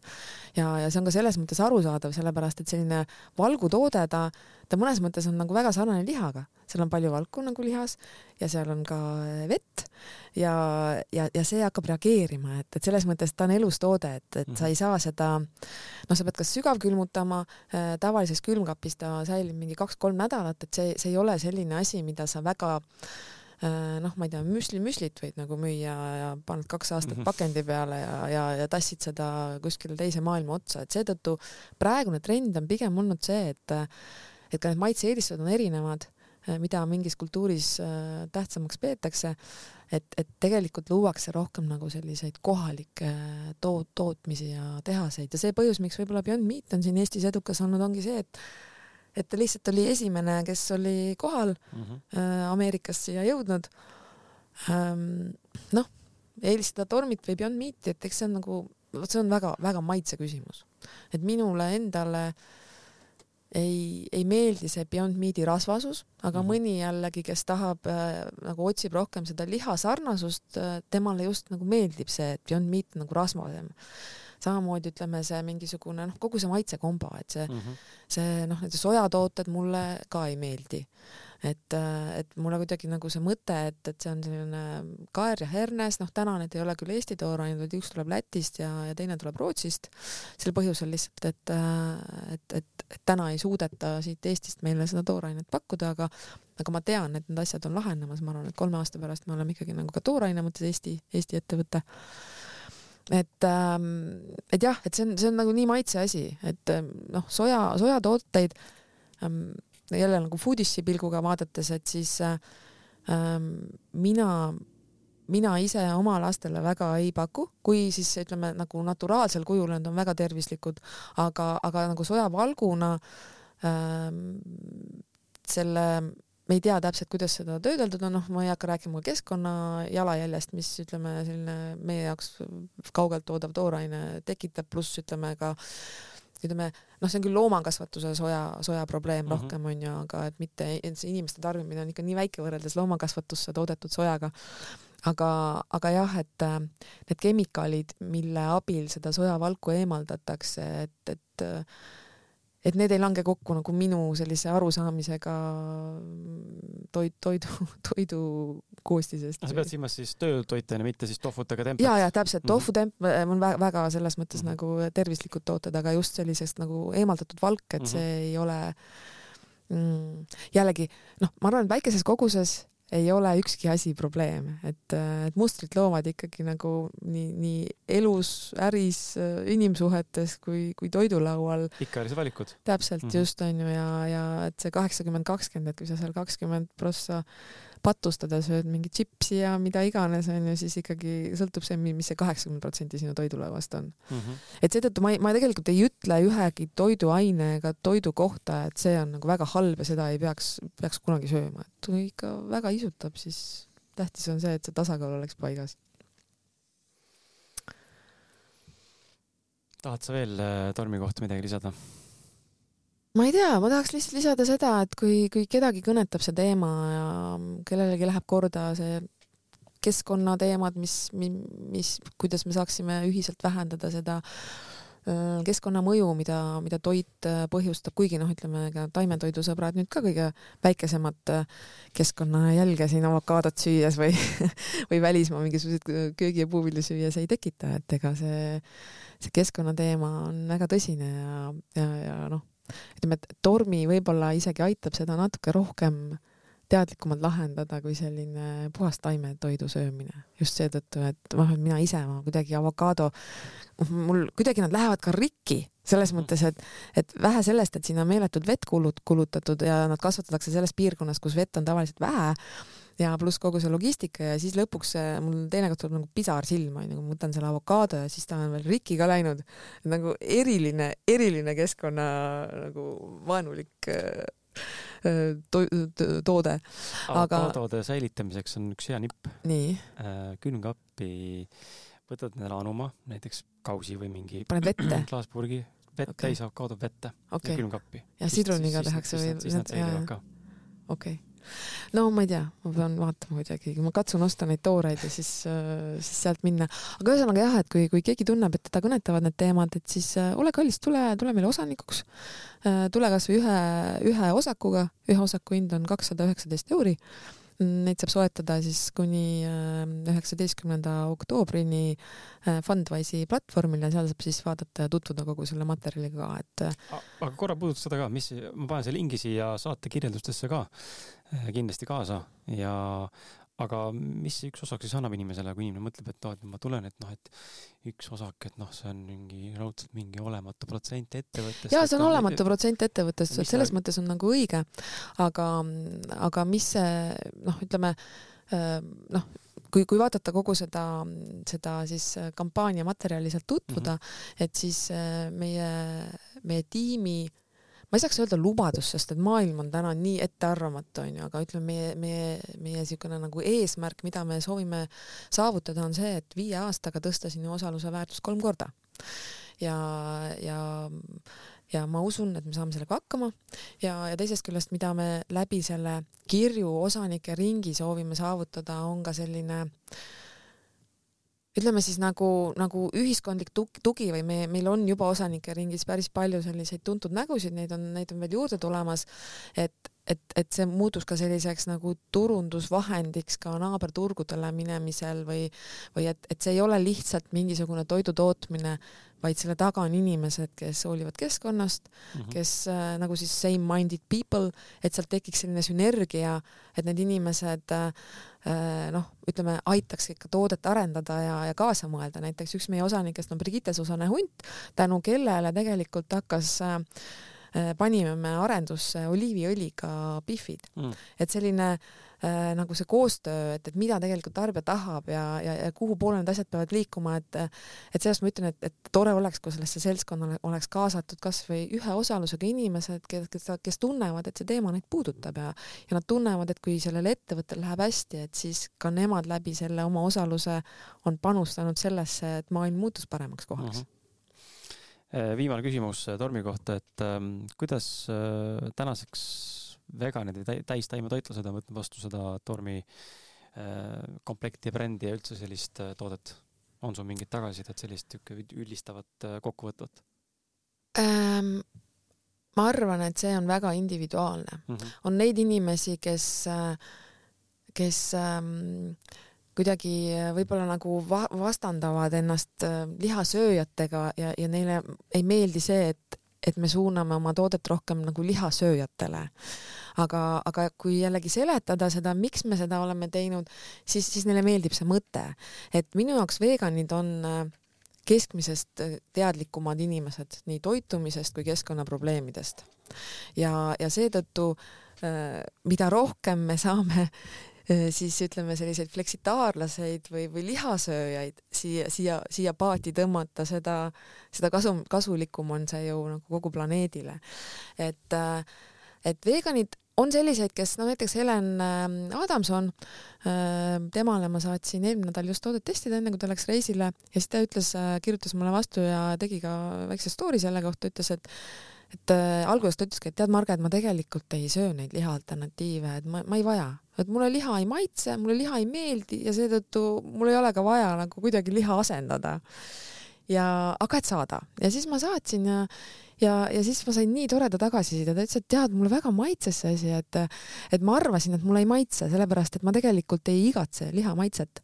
aga, aga, aga ta oli nagu piisavalt liha ja piisavalt mitte liha, et, et mulle, mulle maitses see et, et, ähm, et ma arvan jah, et veganid pigem, kuna see maailmavaade on meil ju üks, nad mhm. võtavad seda hästi vastu, aga nad lihtsalt kõik ei vaja seda toodet, sest et mm -hmm. neil ei ole vaja liha asendada mm. -hmm ja ma arvan, et sa ütlesid väga just, et minu, minu enda perekond, äh, mina naisega siis oleme sama teemat, et tema on see, kes liha alternatiive nii-öelda siis või vähegi liha meenutavaid asju üldse ei söö, sest ta ei ole üldse vajadust selle jaoks, teda ei huvita ka mina ei ole ka mingi suur lihafänn olnud kunagi noorena, aga minule meeldib aeg-ajalt võtta kõrvale selle maitse elamuse saamiseks midagi tummist, mis siis justkui nagu, ma ei söö seda sellepärast, et ta meenutab liha, aga just, et ta on natuke, nad on tavaliselt tummisemad, nad on rohkem siuksed kuidagi, ma ei tea, annavad mulle rohkem siukest no siuke val, valgu. valgusüst võib-olla suurem jah, et kuigi isegi kui mul on mingi roog tofuga, siis teinekord ma panen selle kotleti sinna kõrvale või panen mingisuguse eraldi mingi viineri sinna kõrvale juurde veel, sest et kuidagi annab nagu rohkem sellist ma ei tea, võib-olla see on ka psühholoogiline jälle onju -hmm., et äh, aga, aga tõepoolest, et äh, et kui nad ei oleks maitsvad, tormi omad, e-, ega siis mina ka neid äh, veganina täna ei ostaks, sest et noh mul ei ole reaalset vajadust, aga kuna nad on nii maitsvad, eriti mm -hmm. pelmeenid, noh, meie perele pelmeenid väga meeldivad ja ma kujutan ette, et pelmeenid on see teil võib-olla ka see, see number üks, mis inimestele väga meeldib, onju, kõigile inimestele. no täna on ikkagi Pihv müüb paremini veel, aga kuna me nüüd ütleme siin eelmisest nädalast oleme praktiliselt kõikides, noh, oleme kõikides kettides sees, aga mitte kõikides poodides sees, et et äh, Rimid, Maximad, äh, Selverid, Prismad, Coopid, Maximarketid, äh, siis lihtsalt võib-olla see, et, et, et keti nimena ta on meil kirjas, aga näiteks Rimid on praegu valinud ainult kolme Rimi mhm. poodi mm. -hmm. et seetõttu ma ei oska öelda, millises selles äh, poes äh, on, ma saan seda järgi vaadata, aga hetkel ma peast ei oska seda öelda. et see ka kaetavus on väga hea ja, ja noh, mul ongi see üleskutse, et, et, et koos teiste inimestega me saame ainult seda toodet arendada paremaks, et, et kui teil on mingit tagasisidet, et, et mis meeldib või mis ei meeldi või millist kohta tuleks nagu lihvida, kas see on tekstuur või see on maitse, et noh, muidugi seal tekib mingi selline keskmine arvamus, et on neid, kes ütlevad, et näiteks Eerik Orgu ütles mulle, et, et tema jaoks on nagu nagu neid maitsenüansse on liiga vähe, et ta tahaks, et need pelmeenid oleks nagu noh, äkisemad onju, et mm, -hmm. et, mhm. et siuke nagu, nagu Gruusia pelmeen, kuigi ma ei, ma ei ole kunagi Gruusia pelmeeni söönud, ma ei tea, mis seal on, aga ilmselgelt see on vist mingi lambalihaga või mingi lihaga onju, just.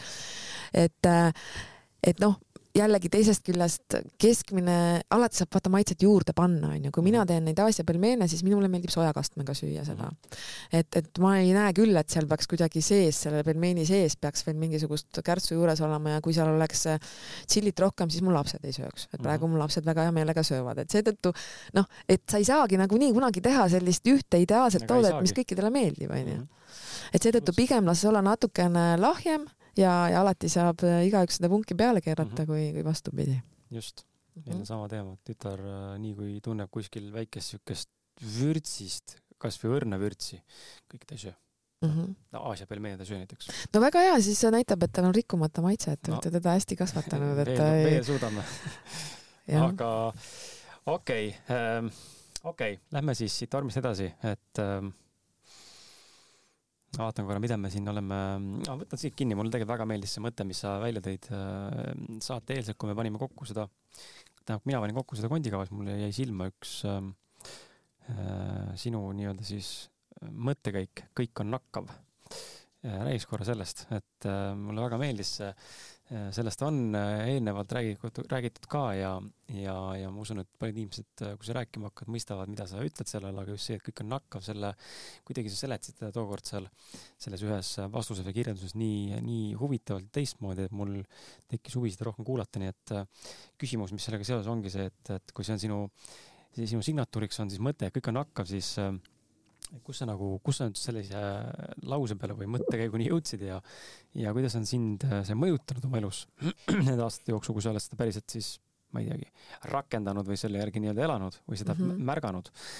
ja, ja natuke seleta rohkem lahti, mis see tegelikult tähendab ja kuidas see väljendab elus, et inimesed saaks, kes meid täna kuulavad, saaks sellest aru ja võib-olla ka hakkaks märkama tõesti seda, mida see mõte endaga kaasas kannab mm. -hmm.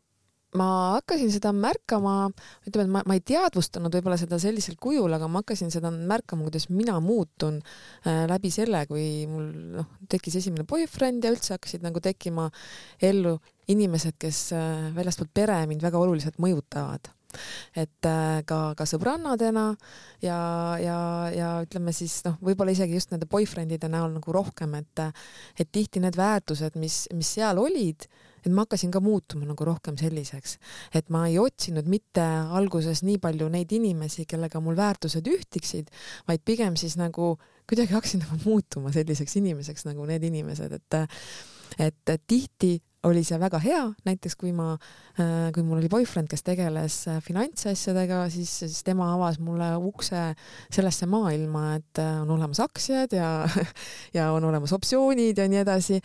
samas, kui see suhe sai läbi, onju, siis, siis noh, ütleme samamoodi kadus minu elust siis investeerimine, sellepärast, ütleme siis nagu nooruses, sellepärast et et mul ei olnud nagu enam kellegagi sellel teemal ühises rütmis hingata, et, et minu järgmine kaaslane oli sportlane, onju, teda ei huvitanud need valdkonnad, tal olid hoopis teised teemad aktuaalsed, seal ma hakkasin võib-olla rohkem sellist mingit toitumist ja seda asja selle vastu huvi tundma, sellepärast et ma sain aru, et see, mida ta sööb, mõjutab oluliselt tema, tema sporditulemusi mm. -hmm. et, ähm, et ja siis ühel hetkel äh, kui sa õpid nagu iseennast tundma, siis sa saad aru, et, et mis on need asjad, mis on sinu nagu nõrkused või, või laiskus, millega sa, millega sa ei viitsi nagu väga tegeleda. ja, ja, ja ka buduaaris ma panin tähele seda, et, et tihti need naised, kes buduaari tulid, nad hakkasid buduaaris järjest ilusamaks minema. Hmm. kes kaotas kaalu, äh, kes äh, avastas, et, et noh, et, et võib-olla peaks oma stiili lihvima ja nii edasi. et see seltskond, kus sa oled, tõenäoliselt Peep on kindlasti, minu meelest ta mingite, Peep Vain, et mingites oma esinemistest on teinekord rääkinud seda ahvipuuri efekti, vaata, et küll nagu kollektiivi seisukohast, aga et et kui, kui sa paned sinna teistsuguse ahvi, paned sinna puuri, et kaua siis aega läheb mm, -hmm. Ei mäleta päris neid numbreid ja fakte, aga et umbes, et kui kaua aega läheb, et see ahv muutuks samasuguseks nagu kõik teised ahvid, onju. et äh, et ja siis ütleme, ühel hetkel on nagu mõistlik hakata seda iseenda kasuks äh, ära kasutama, seda, et sa näed, et kõik on nakkav ja, ja kui sa näiteks oled selline, ma ei tea, kui sa vajad nagu kaalulangust, siis hästi kehv on naistel näiteks, kes tahavad kaalu langetada, olla sellises klassikalises Äh, noh, ütleme näiteks perekonna olukorras, kus, kus teine inimene või, või, või noh, näiteks mees ei taha kaalu langetada, mees käib jõusaalis on ju, kulutab oma, ma ei tea, mingisugune kolm-neli tuhat kilokalorit päevas seal. Äh, äh, naine teeb mingisugust istuvat tööd, kulutab mingisugune, ma ei tea, kaks tuhat ja, ja, ja nüüd nad nagu istuvad sama laua taga ja, ja söövad sama toitu on ju, noh siis paraku ikkagi see naine peab kas ennast piirama või siis mm, -hmm. või siis ütleme noh, ütleme tegema endale teisi sööke. et et, et kui sa oled ümbritsetud selliste inimestega, kes mõtlevad, mida nad söövad, kes toituvad tervislikult, siis sul ei olegi vaja mingit imet teha, sa lihtsalt hakkad kaalu, kaal hakkab langema. et, et noh, kui sa ikkagi lähed sinna õllekasse, kõik võtavad selle õlu ette, võtavad mingid friikad ja mingisugused kana, kanakoivad ette, noh versus see, et sa, sa lähed kellegagi, ma ei tea, mingi smuutibaari ja, ja noh, et, et see, see lihtsalt hakkab kujundama sinu, sinu olemust ja sinu elu, et jah, et on mingid asjad, mis ei muutu, nagu ma ei tea, ekstravertsus ja introvertsus mm, -hmm. et mhm. need on meie nagu sisse kodeeritud, aga, aga mingeid asju või ütleme, et sul on iseennast on väga lihtne kujundada läbi selle, millises seltskonnas sa oled. ka ilma asjata inimesed ei, ei kraabi raha kokku ja ei saada oma lapsi kuskile Harvardisse ja nii edasi, et, et sealt saada sisse see seltskond ja need inimesed ja need mõtteviisid. ja, ja noh, mida, mida ma ise näen, on see, et, et inimesed võivad olla väga-väga erinevad, aga neil peavad olema need noh, et kuidas nad nagu toidavad üksteist või et, või et mis see põhjus on, et nad nagu koos on, et et minu seltskondades ei ole väga sellist äh, teistest inimestest rääkimist või noh, ikka tuleb, et kes abiellus või kellel, ma ei tea, mingi tervisemure, aga aga selle, läbi sellele ei anta hinnanguid, vaid nad lihtsalt, et oh, kas sa tead, et siuke asi nagu juhtus, onju. et tavaliselt me ikkagi räägime ideedest äh,, noh seda aega on nii vähe, millal sa üldse saad teiste inimestega suhelda, et eh, noh, ma ei tea, pere, eh, ma ei tea, mul on oma mingi aiamaa asjad, mul on eh, noh, mingi töö, et, et siis ma ikkagi nagu valin, et kellega ma lähen ja teinekord ka ma valin seda noh, keda ma kutsun endaga kuskile õhtusöögile, et ma nagu mhm. teadlikult valin, et kui ma olen vajan nagu äriliselt mingisuguseid ideid ja mõtteid, et, et, et ma ei lähe lihtsalt pläkutama, et ma selles mõttes, et ma lähen küll pläkutama, aga ma tulen sealt nagu tagasi hea energia ja hea vibe'iga. ma ei viitsi, kuigi mul on väga nagu süda valutab igasuguste, ma ei tea, laste ja terviste ja loomade igasuguste selliste teemade peal, siis ma teadlikult katsun mitte neid lugeda, mitte nendest teada, sest et see viib mu sügavasse auku. ma noh, ütleme kasvõi need, mis Ukrainas toimusid, et mul lähedased ja mees hakkasid mind sealt august välja tõmbama, sest et ma ikkagi langesin nii nende teemade, teemade sisse, elasin nii kaasa sellele äh, oma fantaasias kujutasin ette, kuidas see kõik võiks meil ja minu perega juhtuda ja nii edasi, et ma olin ikka väga liimist lahti. et, et seetõttu noh, sa pead nagu teadlikult tegema neid valikuid et äh, ka näiteks Instagrami mingi reelside scroll imine, noh, et mi, mis see sulle nagu annab, onju.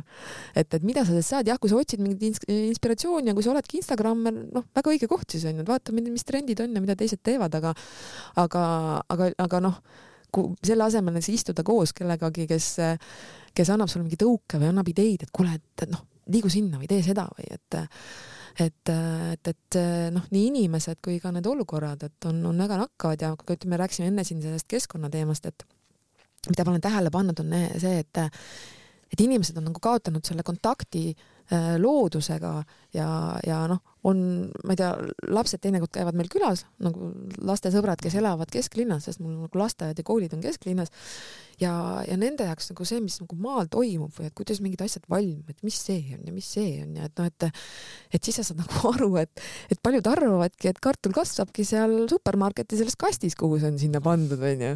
et, et kuidagi meil on nagu see õnn olnud, et ka need lasteaiad on olnud sellised, kus ongi, neil on nagu oma mingid väiksed põllumaad, see on küll Tallinna kesklinnas, aga noh, nagu toimib selline, selline nagu basic, et mille peal elu päriselt püsti püsib, onju.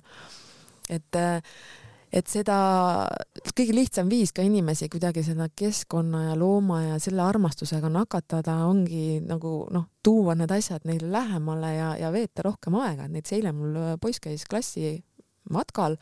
Neil on üks hästi äge isa, kes on selline äh, nagu kergelt nagu selline nagu ka, ka mitte kergelt, vaid ongi nagu kaitseväe taustaga.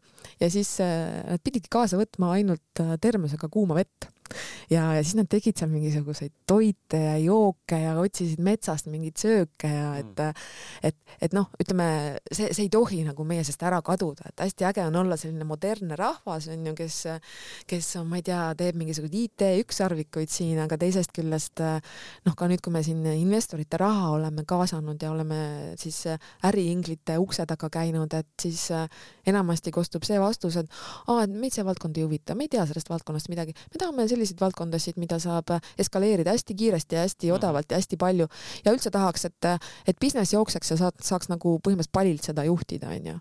et kahjuks sa ei saa toitu niimoodi kasvatada, onju, sa ei saa, noh, on, on mingid asjad, mis on meile üliolulised elus püsimiseks, aga, aga mida ei saa palilt juhtida täna, täna veel äh,? jah, jah, täna veel, aga ei no kokkuvõttes, kui siin ei ole inimesi, mida me näeme, on ju, on äh, noh, näiteks äh, bussiliin, millega minu lapsed sõidavad siis linnakooli, hakkas tegema trikke ja bussi lihtsalt ei ilmunud ja siis hakkasime uurima, et milles asi on ja täiesti inimlikud põhjused on, neil ei ole bussijuhte ja nad peavad tegema siis valiku, mhm. millisele liinile need täna hommikul alles jäänud bussijuhid panna ja millisele mitte.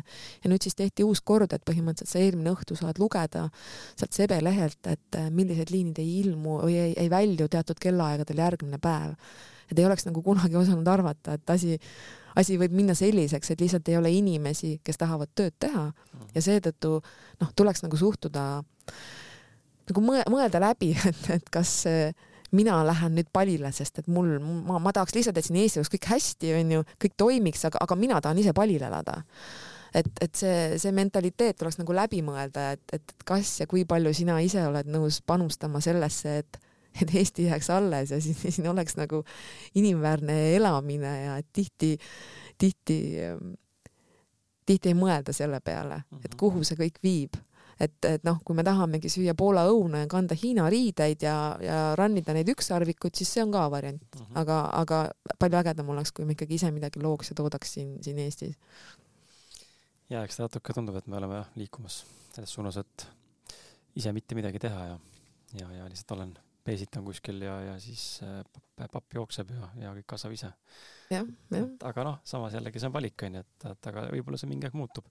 ei või, võib-olla ei ole vaja, aga lihtsalt ma näen ka kliima asukoha mõttes, et, et Eesti ja meie piirkond on pigem selline, kus ka viiekümne ja saja aasta pärast on elu, sest et kliima soojenemine lükkab järjest noh, mis see kasvõi see suvi toimus, on ju Itaalia, Prantsusmaa, äh, oliivi äh, ja viinamarja istandused ju hävisid tules Äh, mingi kuuma, kuumarekordid ja, ja, ja kõik see, et, et, et tegelikult ei saa välistada, kui need kliimaprognoosid lähevad täide, siis äh, võib-olla ka meie silmad näevad seda, et inimesed kolivad järjest siia ülespoole, sest et nende enda kodudes enam ei saa toitu toota. ja ei täitsa võimalik jah. ja, ja, ja, ja selles mõttes, et kui meie seda ei taha teha ja tahame elada seal palil, siis äh, küll tulevad need inimesed, kes võtavad meie maad üle ja ja toodavad siin seda toitu, sest et mhm. see asukoht on pigem väga hea mm. -hmm. tegelikult see suvi oli näha ka, et ka meil oli tegelikult päris kuum nii mõnelgi korral absoluutselt ja väga pikalt, et ma ise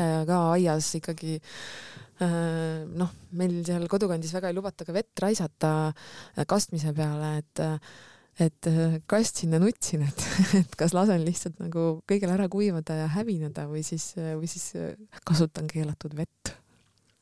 no vot tuleme rahateemade juurde ka, need on alati põnevad minu jaoks vähemalt ja ma usun, et tegelikult paljude inimeste jaoks ka, et me oleme tegelikult rahateemat natuke korduvalt siin puudutanud ka erinevates nüanssides, aga äh, kaks küsimust on siin, äh, üks on sihuke üldistavam, et räägi, kuidas, mis suhe sul rahaga on, kuidas sina seda raha nagu mõistad täna? see vastus võib olla sul nüüd väga praktiline ja, ja pragmaatiline või juba väga esoteeriline, see on täpselt see, kuidas sina seda mõistad, aga et mis on sinu jaoks raha kas seda peaks nüüd kokku kühveldama ja koonerdama ja kokku hoidma ja investeerima või peaks usaldama siis nüüd see teine, teine äärmus nii-öelda või justkui mitte äärmus, aga teine sektsioon, mis äh, väga tugevad esoteerikat siis soovitavad, usalda elu, et raha ringleb, onju. et ta tuleb ja läheb mm võib-olla või mingi kolmas asi veel, ma ei tea. et kuidas sina nagu raha üldse näed, kuidas sa defineerid, kuidas sa sellega käitud, mida sa soovitad? Ehm, ma ei tea kummardad, ei kummarda, jätad vedelema, viskad maha ja loobid, ei loobi, oled kooner, mitte kooner, et natuke räägi seda teemat, kuidas sina seda mõistad? ja mis kogemusi võib-olla oled saanud ka, kui sa oled mingit moodi käitunud võib-olla eelnevalt? no ma arvan, et raha ei ole mind äh, elus väga palju muutnud ega mõjutanud, et et, et ma olen üles kasvanud pigem selliste tublide inimeste peres, kus ei ole, kes elavad kuskil kolmetoalises korterimajas. Äh, noh, mul isa oli pigem selline nagu vastutusrikkal kohal, oli, oli maakonna peaarst äh, palju aastaid. Äh, ema oli pedagoog ja, ja mul ei olnud tegelikult millestki puudust, et kui tihti ma kuulan, keegi räägib, et kuidas ma ei tea, tal ei olnud sinki leiva peale panna ja nii edasi, et eks, eks me kõik teadsime, noh, sina oled liiga noor, aga ega, ega seal poes ei olnudki seda sinki, et küsimus ei ole selles, et kellel oli sinki leiva peale panna. pigem elasid hästi need, kellel olid ikkagi oma majad ja nad said oma aeda seal pidada ja said oma tomatit, et mina mäletan seda, et meil ei olnud tomatit väga ega kurki. et tihti, kui sa praegu teed seda salatit, onju, siis noh, loomulikult keset suve sa ikkagi said seda, onju, sealt vanaisa aiast, aga aga, aga mina mäletan rohkem seda, et tomatit tohtis lõigata nagu viilukaupa või leiva mm. peale, mitte ei saanud niimoodi süüa et, et mul tegelikult ei ole nagu sellist äh, raha ja asjade hullust kunagi olnud. et mind, kui ma midagi teen, mul ei ole kunagi olnud nagu äh, ärilist eesmärki seotud rahaga, mul on alati olnud nagu äriline eesmärk seotud eesmärgiga, kuhu ma tahan jõuda või mida ma tahan saavutada või teha ja, ja seetõttu, kuna ma olen selline nagu loov äriinimene olnud terve elu, siis mul on alati oluline, et mul on kõrval finantsidega tegelev inimene, kellele ma lihtsalt ütlen, et ole hea, arvuta see asi mulle välja, vaata selle tasuvust onju, aga ma ise ei tegele selle asjaga mm, -hmm. sest mind ei huvita see raha pool äh,. tähendab, mind huvitab selles mõttes, et, et kui seda noh, raha on ju vaja, et realiseerida oma mingisuguseid eesmärke ja, ja, ja plaane.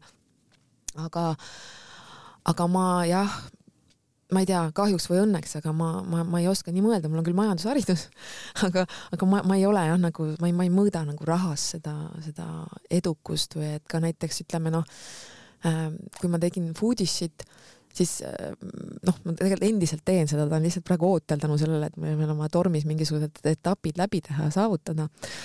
ja, ja siis äh, ka, kui hakkas seal üle kahekümne tuhande jälgija oli juba ja siis ka inimesed muudkui saatsid, et aga miks te, miks te seda ei tee või teist ei tee, et nii saaksite ju raha teenida, onju. et, et loomulikult noh, täna on seal mingi kolmekümne tuhande kanti neid jälgijaid. et ja kui ma teeks äh, pidevalt ja head sisu, ma arvan, et siis oleks seda veel, veel palju rohkem tulnud, sest et nüüd enam ei ole sinna ühtegi jälgijat vist juurde tulnud pärast seda, kui ma väga aktiivselt ei tee neid asju või noh, pigem siis üldse ei tee aga et, et seal on, ma näen, et seal vedeleb raha seal võiks teha, võiks teha igasuguseid ägedaid koostöid, asju, see ei tähenda, et, et, et kuidagi selle konto väärtus langeks ja muutuks kommertslikuks, et alati saab seda piiri vahele tõmmata, onju. aga ma ei ole läinud seda teed. et minu jaoks ei ole see olnud rahaasi, minu jaoks on nagu see, et see, et, et palju see konto mulle raha sisse toob, siis täna ma olen sinna pigem peale maksnud ka neid uuringuid ise oma raha eest finantseerinud, teinekord kui on raha puudu tulnud, et ma ei ole midagi teeninud sellega poolteist aastat seda tehes aga, aga, aga kui ma tahaks, siis ma põhimõtteliselt seda, nende jälgijate arvu silmas pidades suudaksin nagu, nagu homsest genereerida sealt seda raha, aga see ei ole nagu see olnud minu, minu mõte selle asja juures.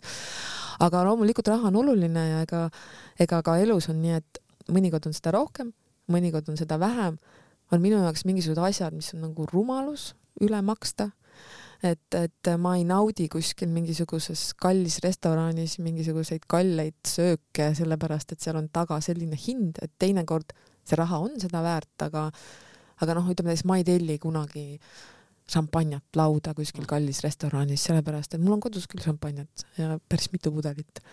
Aga ma ei näe nagu seda põhjust, miks ma peaksin noh, ütleme, kui keegi tellib, loomulikult, et ma ei ole nagu see, et, et, et umbes, et ei, ma ei võta, et see maksis nii palju aga ma ei, ma ei näe nagu põhjust selle, selle peale kulutada, et, et maksta üle mingisuguseid asju või, või äh, ma vahetasin hiljuti, ma väga, väga pikka aega sõitsin suurte maasturitega, mulle väga meeldivad maasturid. Ja siis, kui ma Budaarist välja astusin ja mul enam sissetulekut ei olnud, siis ma mõtlesin, et, et ma, ma ei tea, mis mul elu sees ootab. et seetõttu ma ei hakka mingisugust äh, hirmkallist, kuna mu auto jäi sinna äh, ettevõttesse onju, et, äh, et ma ei hakka endale mingit hirmkallist äh, autot äh, ostma, et ma võtan midagi lihtsat ja kuna laps hakkas ka just juhilubasid tegema, siis ma mõtlesin, et, et ma võtan mingi sellise auto, mille puhul, et kui mingisugune jama juhtub, et siis ma ei, ei noh, ei, ei, ei, ei nuta selle pärast ja mul on elus neid uusi autosid olnud nagu piisavalt, kus siis sa lähed kuskile supermarketisse ja siis, siis mõtled, et kuhu ma nüüd selle pargin, et, et jumala eest keegi auto nagu uksega minu, minu kallist autot ära ei löö ja nii edasi, onju et, et ma olen kuidagi nendest asjadest nagu välja kasvanud ja, ja, ja minu jaoks olid ajad, kus, kus, kui ma istusin oma mingisuguse esindusest ostetud BMW roolis ja siis ma sõitsin ja siis ma nagu mõtlesin, et kas inimesed ikka nägid, et mina sõitsin mm. selle autoga onju. aga, aga see, see täna enam nii ei ole. et, et mul on nagu täiesti noh, loomulikult teatud turvalisus ja need kriteeriumid on mulle olulised, aga see, et kas mu auto maksab kakskümmend tuhat või kakssada tuhat või või kui ma oleks väga rikas, ma arvan, et loomulikult ma võtaksin endale parema auto. aga, aga see noh, kui sa tead, kes sa oled või see, see ei ole nagu enam see enesekindluse et, või eneseteostuse koht, on ju mm. -hmm. et, et keegi mind kuskile kutsumata minu sõpradest sellepärast ei jäta, kas mu auto on kakskümmend tuhat või kakssada tuhat ja need, kes jätavad, uskuge, mind isegi ei huvita sinna teie üritusele tulek, on ju, need ei ole minu inimesed. ja selle, kes on sinu inimene, nüüd me küll nagu langeme teise teemasse, aga, aga minu meelest see on nagu hästi äge, kuidas, kuidas saab nagu suhteliselt ilma inimesega ühtegi sõna vahetamata sa tegelikult äh, tajud ja tunned ära, kes on sinu inimene kes ei ole. et, äh, et, äh, et, et noh, teinekord ka sa võid pettuda selles, alati, alati ei pruugi see nii olla, aga see vibe, et kas sa klapid inimesega või ei klapi, et noh, ma olen nagu nii vanaks ära elanud, et ma tõesti, ma ei, mulle ei meeldi small talk, selles mõttes, et, et ma võin seda teha, aga ma tõesti äh, ei taha üle paari minuti suhelda inimesega, kelle puhul ma tunnen, et mulle ei klapi see vibe ja mm. sellepärast ka ütleme neid samu osanikke kaasates, et mul on oluline, et neil on need väärtused.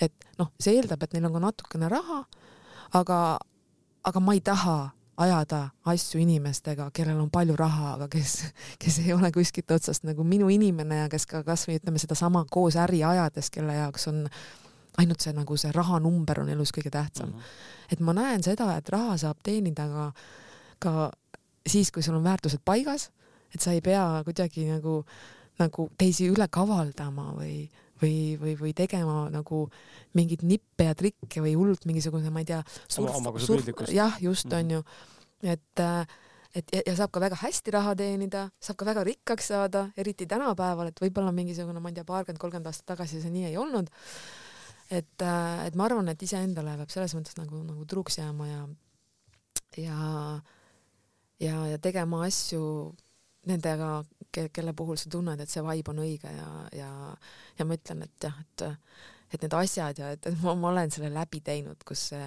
kus see Gucci kott või või, või Vuittoni käekott, et kui ma nagu sellega välja läksin, et siis ma mõtlesin, et ah, et äkki keegi mõtleb, et ma olen edukas nüüd, kuna mul on need asjad, et mm, -hmm. et see tundub täna nii naljakas, ma näen ümberringi endiselt neid inimesi, kes arvavad nii, et see on see, see mõõdupuu. aga võib-olla ka see, et, et ma olen suhelnud ikkagi ka nagu maailma mõttes väga erinevate inimestega, rikaste kui vaestega, kuulsatega, väga kuulsatega ja ja ikkagi kokkuvõttes tegelikult see lihtsus või see, et noh, kes selle naha all on või kes see, kes see inimene seal sees on, et see, see mängib seda rolli ja tihti need inimesed, kes on juba ka midagi saavutanud või kuskile jõudnud, siis siis nende enda jaoks ei ole ka need asjad mm, -hmm. ei mhm. ole mingisugused väärtused, nii et et tervis ja, ja head inimsuhted ja need kaaluvad nagu absoluutselt kõik, kõik asjad üle, kui sul need asjad on olemas, head inimsuhted ja tervis, siis põhimõtteliselt oledki kuningas ja see inimeste head inimsuhted need kontaktid, seda ma ise näen ka täna äh, nüüd neli aastat, natuke rohkem olen podcast'i teinud, siit on väga palju, väga palju tutvusi tulnud ja inimestega, kellega ma ei oleks vist äh, osanud välja mõeldagi mõistusega, kuidas ma kokku satun. noh, kasvõi sinuga onju et.... vaata see äh, meediaga tegelemine, mina kasutasin ka Buduaaris sedasama võimalust, et, et, et see on nagu, nagu ütleme, see on väga suur pluss seda tööd tehes mm. -hmm. et sa tegelikult saad äh, ise valida, kellega sa tahad tuttavaks saada, näiteks kui sa töötad kuskil, ma ei tea, ehitusfirma sekretär oled, sul ei ole nagu mitte mingit põhjust helistada seal Urmas Sõõrumaale. täpselt onju. no võib-olla okei okay,, Sõõrumaal võib-olla on. ja võib-olla on, aga noh, ma ei tea, näiteks kasvõi ma ei tea, Karl-Erik Taukaril onju mm -hmm., no ei ole mingit põhjust, okei okay,, võib-olla tõesti, kui ettevõte teeks jõulupea onju, sa saaks kutsuda teda sinna jõulupeale, aga, aga, aga meedia vallas toimetades sa saad mõnes mõttes nagu realiseerida enda isiklikke soove, et sa saad teha neid intervjuusid ja kohtumisi nende inimestega, kellega sa tahad tuttavaks saada, täpselt onju. absoluutselt, et keegi, keegi tahab, siis jah, kui, kui tahate Erik Taukariga tuttavaks saada, siis äh, minge meediasse tööle või hakake tegema podcast'i või ajakirjandust. jah, täpselt ähm,. tead sa, äh, tuleme, äh, tuleme siit äh,, ma mõtlen korra, kas on saate viimane või saate eriline küsimus, kuidas sa jaksad? mul on ükskõik, ma ei tea, palju sa välja lõikad. ega. mina ei lõika midagi välja, kui sa ise ei ütle mulle seda lõigata. et äh, meil on kaks tundi kohe vesteldud sinuga. aa, okei okay. tead, ma, minu jaoks kõige kohutavam on see, kui inimesed peavad kuulama mingit jura, mis neid ei huvita, et seetõttu kui su, kui ma, sul on niisugune küsimus, millele ma oskan kuidagi toredasti vastata, siis ma hea meelega vastan, kui sa tunned, et tuleb jura, siis ütled, kuule, Marget, aitab. ja äh, ma siis usaldan tunnet, võtame viimase küsimuse. mitte, et äh, mitte midagi muud küsida ei oleks okay.. aga lihtsalt ma juba näen, et ma ise lähen ajaliselt rappa, sest mul hakkab otsa kohe üks kohtumine, mitte küll kohe, aga ma tean, ma jään rappa muidu. sest küsimusi, nagu ütlesin saate alguses, on tegelikult üheksateist ja, ja ma olen spontaanselt küsinud juurde ja noh, need vist ei mahu siia kõik. no eks mul vastused ka lappavad, vaata, ma no, liigun, liigun on... küsimuses sujuvalt nagu poliitik okay., liigun kuskile see on okei okay.. Äh, võtame viimase küsimuse, milleks on siis see, et ähm, ähm, mul jäi mulje sinu äh, jälle seda sinu poolt siis loodud sellist äh, teksti mis sa lõid mulle, ma saaksin kondikava luua, jäi mulje, et aeg-ajalt esineb sul teadmatuse ees ka hirme ja mm, sinu suurimaks siis rõõmuks hetkel siin saates on ka minul need hirmud täna. aga nendega tuleb tegeleda. aga samal ajal oled sa öelnud, et sul on teadmatust, peaks alati olema variandid B ja C ja nii edasi. seega minu küsimus sulle on see, et kas sa oled pigem planeerija või spontaaninimene ja kuidas tuled sina toime teadmatuse, tundmatuse ja ootamatustega, mida elu sulle siis ette viskab teinekord? oo oh jaa, mul on, mul on väga palju hirme, aga suheldes erinevate inimestega, siis ma saan aru, et see, kui sa oled loominguline inimene, siis äh, see on selle osa, et sul pea toodab neid hirme kahjuks paralleelselt kõige muu loominguga, mida, mida see toodab, onju. et, et ma olen sellega kuidagi nagu aktsepteerinud ja, ja, ja ma olen jõudnud selleni, et, et et iga hirmu ees on uks ja kui sa selle ukse nagu lahti teed ja näed, mis seal ukse taga on, et siis see hirm nagu väheneb, onju. et, et mul on hirm ähm, oma lähedaste pärast, ise, iseendaga seotud hirmud on ju, et mul, mul ei ole need nagu raha või eduga seotud hirmud, need on pigem nagu sellised hästi basic on ju, et mu lähedastel oleks kõik hästi ja nii edasi. ja, ja, ja noh, kuidas, kuidas nendega mis küsimus oli et äh, kas sa oled pigem spontaanne või, või oled sa pigem väga suur planeerija ja kuidas tulla toime nende teadmatustega? ma ei ole absoluutselt planeerija, et ma pigem olengi see, kes, kes sõidab nagu ristmikule ja siis vaatab, et kuhu, kuhu poole mm. pöörd-, pöörata. et, äh, et ma lapsena ja noorena mul olid mingisugused suured unistused, aga kuna ma ei saanud siis aru, et kuidas nende poole liikuda, siis, siis ma automaatselt adapteerisin endale selle, selle teise lähenemise, et ma, ma nagu sõidan veits edasi ja siis vaatan, kuidas, kuhu poole ma sealt tahan minna, sest et ega me ju kõik teame, et ka elus need, need eesmärgid ja huvid ja soovid muutuvad, et, et ma jätan endale alati selle mänguruumi äh, ümber otsustada ja, ja, ja liikuda võib-olla nagu natuke teises suunas edasi ja, ja see, mis puudutab jah, et, et need, ähm, et hirmusid lahendada ka läbi selle, et sul on nagu läbi mõeldud, et mida, mida sa teed, kui siuksed olukorrad tulevad. et kasvõi kui see, see sõda eskaleerus, siis äh, ähm, noh, abikaasaga oleme väga erinevad, et, et, et mina olen see sisemine paanitseja. Ja siis ma kogu aeg nagu ütlesin, et palun, et palun, et räägime sel teemal, et mis saab, kui sõda tuleb Eestisse, onju lõpeta ära, siukest asja ei juhtu bla,, blablabla onju ja mind ajas see väga nagu tigedaks, sellepärast et mina enda peas olen selle hirmu küüsis onju ja tema lihtsalt nagu paneb selle ukse kinni ütleb, et kuule, et seda ei juhtu ja rahune maha. Et ja siis lõpuks me saime need jutud nagu ära räägitud, et, et mida, ma ei tea, kas ta tegi seda vastumeelselt või hea meelega, kas ta mõtles minuga tegelikult kaasa või mitte, mul ei olnudki see oluline, aga mul oli oluline see, et, et et me saime enda jaoks nagu läbi rääkida, et kui see sõda peaks siia jõudma, et mida me siis teeme, onju. et mul on endal on kogu aeg peas nagu see, see, see mootor töötab, et, et kõikide asjade puhul mul on alati kaks-kolm-neli lahendust või ideed, et, et mida ma siis teen ja ma täna ei oska sulle öelda, et millise kaardi ma siis nendest nagu võtan, aga, aga mul on need, need on need lahendused, onju. Mhm. ja, ja tihti äh, sa peadki ju nagu reageerima vastavalt sellele olukorrale, et mis siis äh, mis siis on, et noh, et ma ei tea, kasvõi näiteks sõja puhul, et noh, et hüppan lennukile, hüppan laevale, aga kui ei ole neid variante, onju. et sa ei saa nagu ainult selle, selle ühe, ühe plaani peale minna või siis a la ma ei tea, et noh, jään, jään kodu kaitsma, onju. ei pruugi ka seda varianti olla.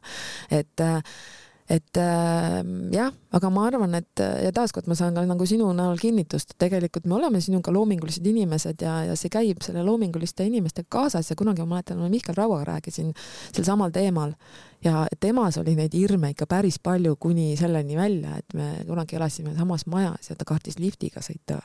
et, et noh taaskord väga ägeda, andeka, loomingulise inimesega on tegu. Ja eks siis on see, see taak, mida me peame kaasas kandma, kui me oleme loomingulised. Hmm.. jah.